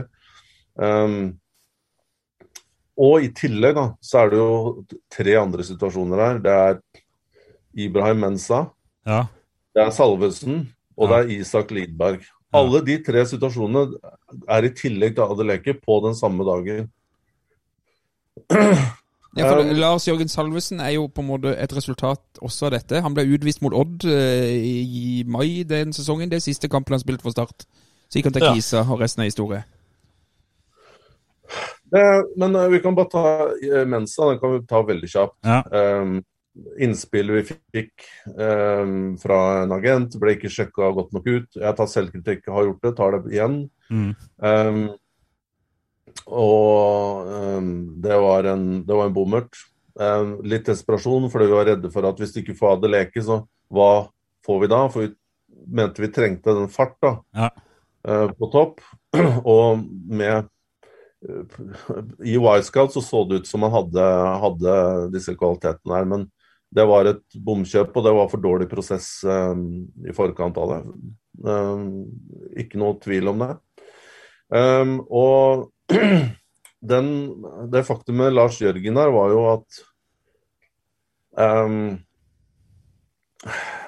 den Altså, jeg, jeg er usikker på altså Lars Jørgen og Mark får ha sine versjoner om det. Jeg er usikker på hva slags kjemi de to hadde, om den var 100% eh, liksom kjærlighet der. Men OK. Og um, jeg tror ikke Kjetil heller så for seg at han kom til å være så ekstremt mye til nytte akkurat denne høsten her, fordi han ville ikke få muligheter til å spille seg form igjen i start. Mm. Um, og Kjetil var veldig sånn veldig, veldig skeptisk til Start 2, altså tredjedivisjon. Det var heller ikke en arena han mente. Så, så ideen var at det var greit for han å dra til At han fikk spille da høsten der i Ullkisa, ikke sant. Ja. Så kommer det tekniske her, da. Så, hvor man må på en måte ha tunga litt rett i munnen. Ja, mange lånespillere videre, er det ikke det? Ja, korrekt. Og, og da den greia der med Isak Lidberg til HamKam, den skjedde tidligere på dagen, og jeg hadde lovt spilleren og HamKam, og de løste papirarbeidet fort. Så jeg kunne ikke gå tilbake og si nei, men du får bare reise tilbake til Kristiansand, fordi vi må gjøre noe med Lars Jørgen her. Mm. Han skal til Ullskissa. Det, det er ikke sånn det funker. altså Du vet jo aldri liksom Du skal også holde dine ord da, overfor spillerne. Mm. Uh, Men det jeg kan bare si da om den situasjonen der med Lars Jørgen, det er at jeg burde vært sterkere i det tilfellet der, og jeg burde ha sagt at OK. eh, Jeg burde sagt til trenerapparatet, eller til Kjetil, at la han bli. Eh, Og la, la, la han få tid og mulighet. Han har kvaliteter som gjør at vi kan få bruk for han utover høsten. Vi vet aldri. Han har den fysikken sin, han har venstre ben, og vi må bare få han i ordentlig form. Mm. Få han kampklar igjen. Det burde jeg ha sagt. Mm.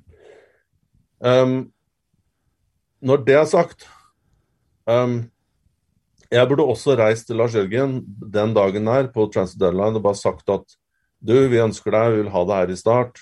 Du har liksom, du er start eh, gjennomsyra av eh, gult og blått. Og Svart?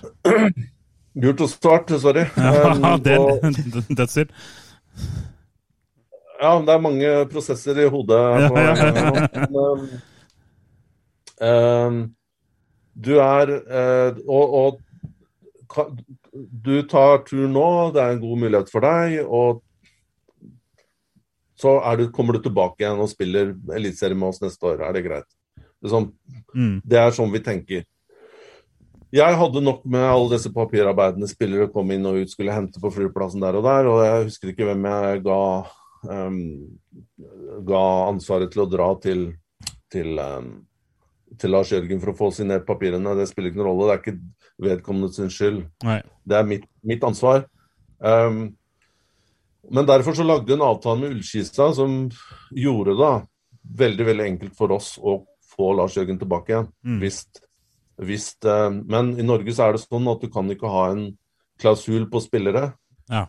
um, i kontrakten. Så spilleren står da fritt til å, til å gjøre sitt. Jeg Ok, igjen min versjon. Mm. Jeg ville ha han tilbake, og um, mener at han burde ha blitt i start. Ja. Altså etter, etter, etter Ullskisa-perioden. Men når det er sagt, så forstår jeg én at uh, han ble kanskje ikke gitt de signalene, verken av meg, verken av trenere eller av andre, til at han var satt noe særlig pris på. Um, og da, når Start rykker ned, og, og, og han får tilbud fra Eliteserien, så, så, så er det vanskelig å si noe på at han, Mm. at han går et annet sted. Ja, for, for det her er vel bare skyte inn at det er jo ingen hemmelighet for de som kjenner meg, at akkurat den greia at Lars Jørgens At det, det blei det ble sånn at han de facto ble solgt og på en måte sto fritt til å bestemme sin egen skjebne, det har jo jeg vært litt kritisk til og har ment var Det ble galt. Ja, men Ja, er Muntlig avtale om å komme tilbake, kanskje, men som Tor Kristian sier, det er ikke lov å kontraktsfeste de greiene. ja, ja, ja. ja Og er man, og jeg kan jo også enig med Tor Kristian, man kan, man kan skjønne Salvesen her. Ja, ja, ja, Start rykker ned, får tilbud fra Sarpsborg, som var ganske på vei opp. Så jo da. Det er bare greit å høre litt hvordan prosessen var. Um, Ja, det, det, det, det her er Men som sagt, det er ikke noe unnskyldning heller fra min side, for jeg, jeg burde ha vært Den sommeren der òg, så tenker jeg at altså du, det, det her er kanskje noe av på en måte eh, den skjebnen til på en måte sportsdirektørstillingen at i hvert fall når du er i nedrykkskamp og hver kamp får så mye betydning, og du, du er inne i en overgangsperiode og ser, reiser rundt i Europa for å se på nye. ikke sant? Du, fokuset ditt blir på det du på forsterkninger, og du, du, du tenker for lite på det som er der. mm, Jeg, jeg tenker jo ettertid at hvis jeg hadde på en måte Og Lars Jørgen er jo supersosial og en bra fyr, og han er jo Ja, altså Veldig, veldig fin å ha rundt i miljøet og sånne ting. Og hvis jeg hadde kanskje også brukt litt mer tid på å dyrke den relasjonen da, til Ja. han, enn at han bare følte seg som en commodity mm. OK, nå ble jeg bare liksom dytta til skisa og kom deg vekk. Ja. Så er det ikke sikkert at den, eh, at den saken der hadde hatt den eh, utgangen. Og, og i tillegg så burde jeg også ha tatt noen turer til eh, Ullensaker, til Jessheim, og besøkt noe Ja, jeg var og så en kamp eller to, da, men jeg var ikke og hilste på han og spurte hvordan det gikk og sånn. Så det tar jeg absolutt selvkritikk på. Det var, det var for svakt fra min side. Og jeg, jeg tror hvis jeg hadde kanskje lagt mer sjel i akkurat det, så hadde han så hadde han kanskje kommet tilbake. Han kommer en eller annen dag. så kommer Han kommer tilbake. Men, men det, eh, det jeg vil si, eh, eh, Tor Kristian, du har jo Vi har jo ikke tross alt det hele kvelden, for du har jo tross alt et liv på kvelden, i motsetning til oss småbarnsfedre som er rett tilbake i bur.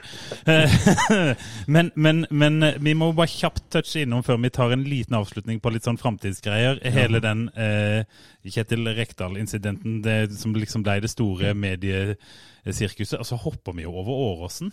Ja, eller det er jo det siste som Tor Kristian gjør, er vel egentlig Åråsen. Ja. Eh, Har ikke kommet hit ennå, Nei, Gimse. nei, nei, nei det, det vet jeg. men Det er det jeg mener. At, eh, Men vi men- jo ned denne høsten, da. Ikke ja, sant? og så er det Rekdal og den greia der. Ja. Og, og da vet vi jo at det har jo tidligere vært eh, det, det, det har ikke blitt sagt så mye om dette her, men hva kan du si om det som skjedde der, i det hele tatt? Med Rekdal.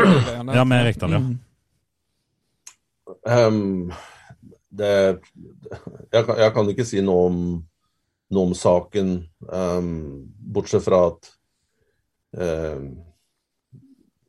Fra det ståstedet jeg var, så, så virka det som at klubben i hvert fall um, agerte på en ryddig måte og gjorde på en måte de skrittene sånn som det skal gjøres i arbeidslivet. Da. Ehm, men jeg, jeg, jeg syns jo Jeg syns jo ettertid at både Monica og, og spesielt Kristoffer Langeland har fått eh, veldig mye ufortjent kritikk. Altså Mm. Det så, så, så Altså Det er to mennesker som, som brenner for klubben og, og, og har de beste interessene til, til, til start og har alltid hatt det. og eh, Det syns jeg folk bør stole på.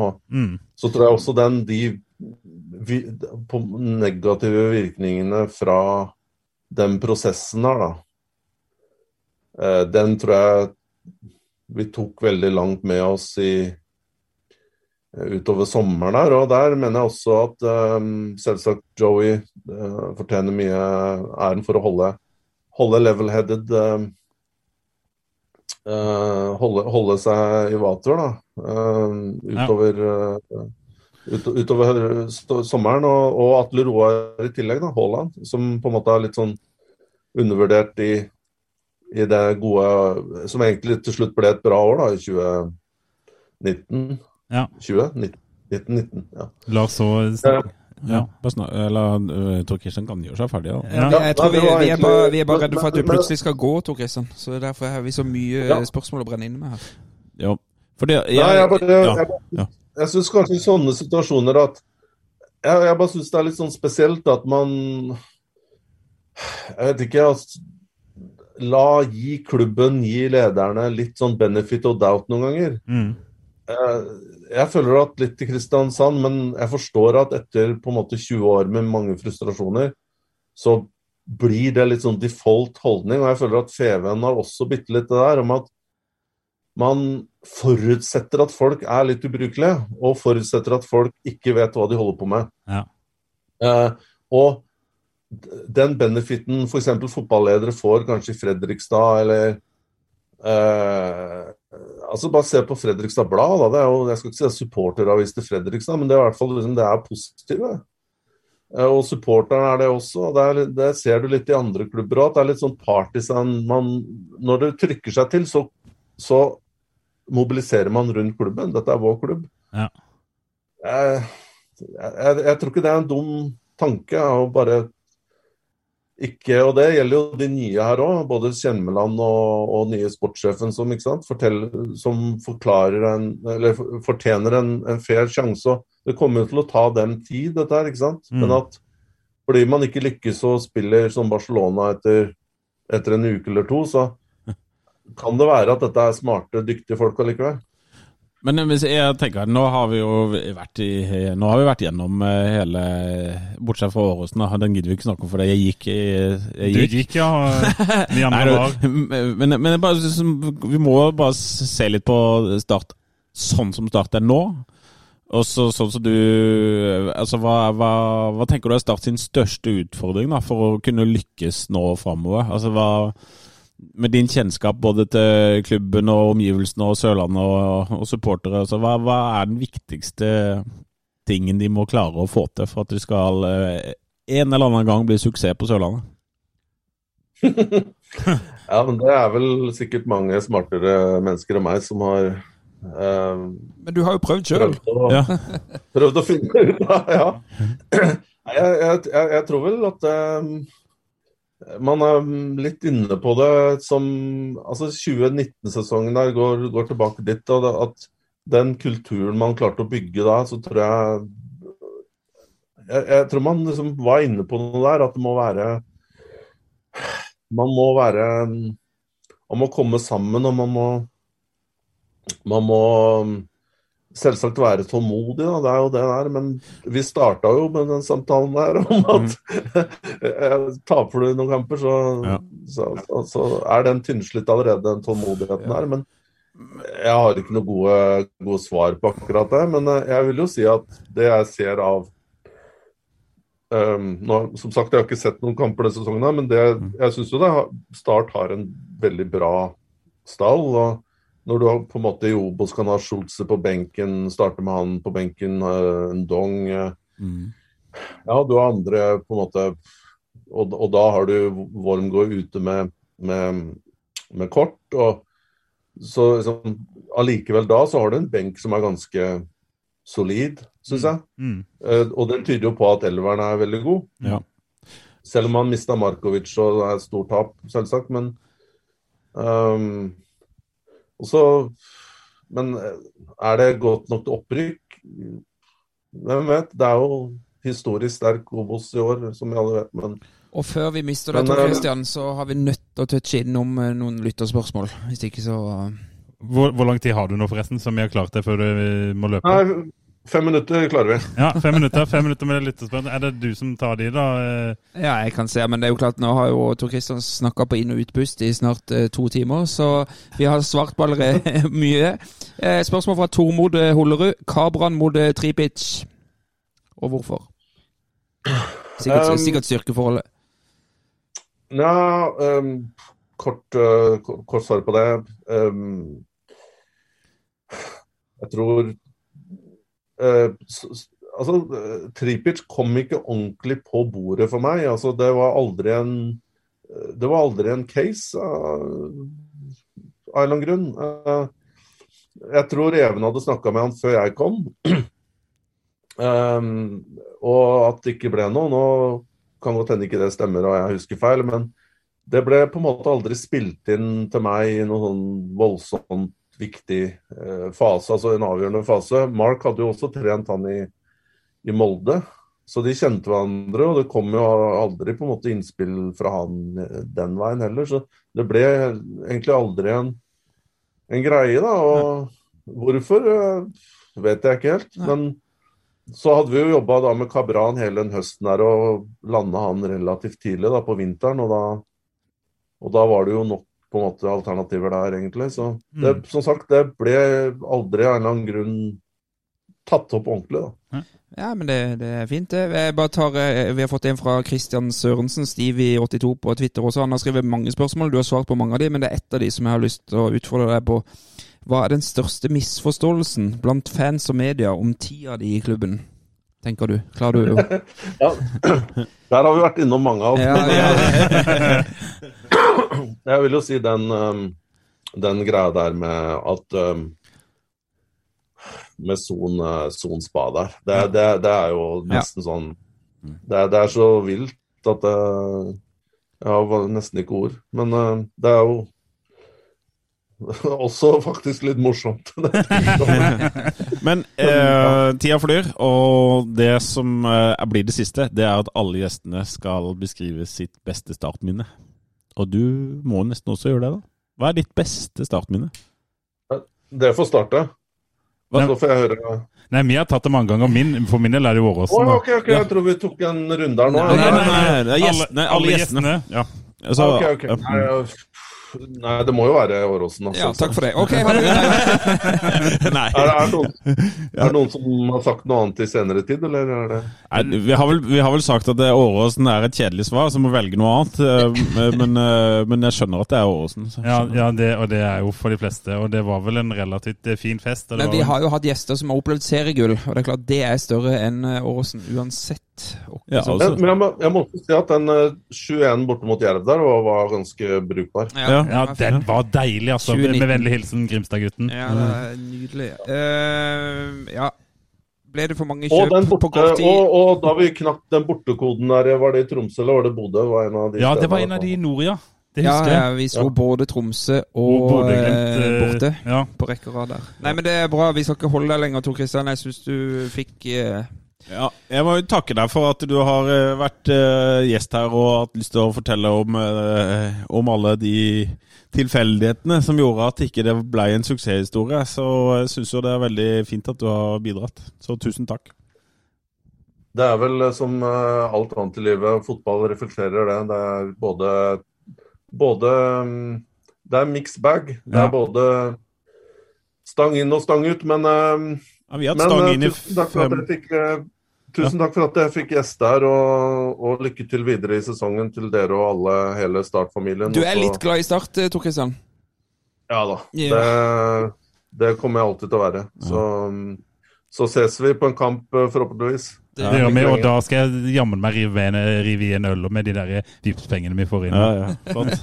Takk skal du ha. Takk skal du ha. Men takk skal du ha, Tor Kristian. I like måte. Ha det bra. Ha det godt. Hei, hei. Jeg er ikke ferdig! Nei, kjør! Men uh, han godeste uh, Theo Christian er ferdig. Han Ja, er det er ferdig. Han er ferdig. Det, det var, Der skvisa vi tida vår eh, godt, eh, tror jeg. Det var eh, akkurat Han måtte løpe videre på et eller Ja, annet. ja, men jeg syns altså, han, han er glad i å prate, og han sier mye. Og det, han bringte jo en del nye ting til bordet, syns jeg. Ja, jeg synes det, det, det er jo, Den der Son-episoden er jo liksom spennende å få fra hans side. For den, Ja. den har blitt diskutert opp og ned. Og eh, hvis jeg ikke klarte å få det godt nok fram i stad, så var det jo liksom sånn Hele historien er jo at, at han liksom omtrent nærmest fysisk holdt Mark Dempsey borte mot Mark Dempseys vilje Mm. Ja. fra spillerne, og isolerte spillerne fra alt rundt seg. Men han fikk jo nyansert det, heldigvis. Og det er klart, eh, det er jo flere spørsmål om man skulle gjerne stilt han, men det, det Det er begrensa ja. hvor ja. god tid Og så ble jo eh, samtalen digitalt, i og med at han eh, var i London. Vi hadde vel egentlig en fysisk avtale med han, eh, Benestad, hadde vi ikke det? Mm, Nei, det er du som har misforstått. Ja, okay, ja, riktig. Ja, riktig. Men, men jeg syns det er Nå um, Nå har vi hørt uh, mange podder, både Feven og, og i dag, eh, med, med TK, Ja. om den tida. Og alle de fuckings tilfeldighetene Sorry, nå banner jeg, vet at det ikke er så populært. Men, men alle de tilfeldighetene som har skjedd opp denne tiden, Mm. og hvor nære det var at det var vi som lyktes da. Det er, det er noen få tilfeldigheter. Eller det er mange tilfeldigheter som vipper altfor mange feil vei. Mm. Vi kan jo vi kan bare sette det på spissen. For ved pause i den siste serierunden så var IK Start et eliteserielag. I 2018-sesongen. ja, i 2018-sesongen. For vi leda jo til pause i Haugesund. Mm. Men det, det jeg mener egentlig, er jo at dette handler jo kanskje også om vinnerkultur. da. Ja. At det er at um, tilfeldigheter vipper gjerne eh, den andre veien hvis man eh, vet hvordan man vipper tilfeldigheter. da. Altså, det, det, Ja da. Her taper man fordi man ikke er vant til å vinne, og så er det grunnen til at det gikk til helvete. Men også tenker jeg, fra sommeren 2017 og fram til vinteren 2021, så har vi hatt et eierskap i klubben. Og Ja. Nå er snart på tide å legge den nederst i ei hylle, og ja. så opp med haka Men og kan se ikke vi fremover. si det nå, da?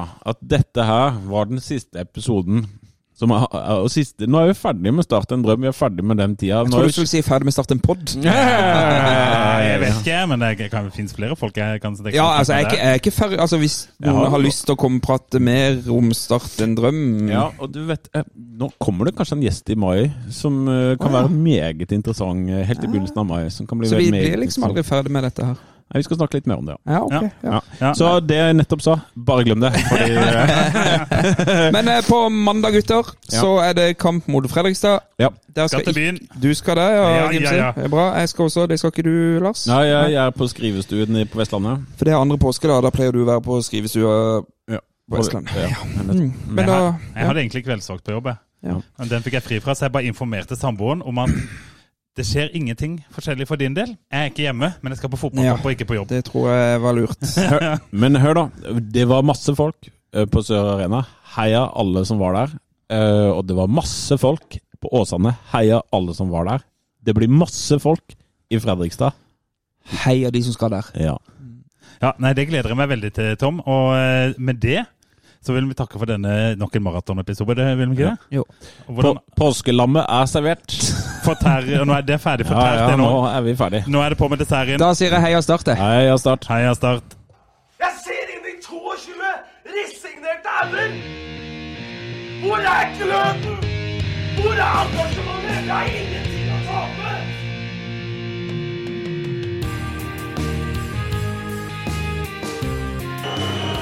Ja, forlenges tid på Martin Ramsland. Skal du sette etter? Og så gjør han det! Martin Ramsland! Har du sett? Han kommer til å bli større!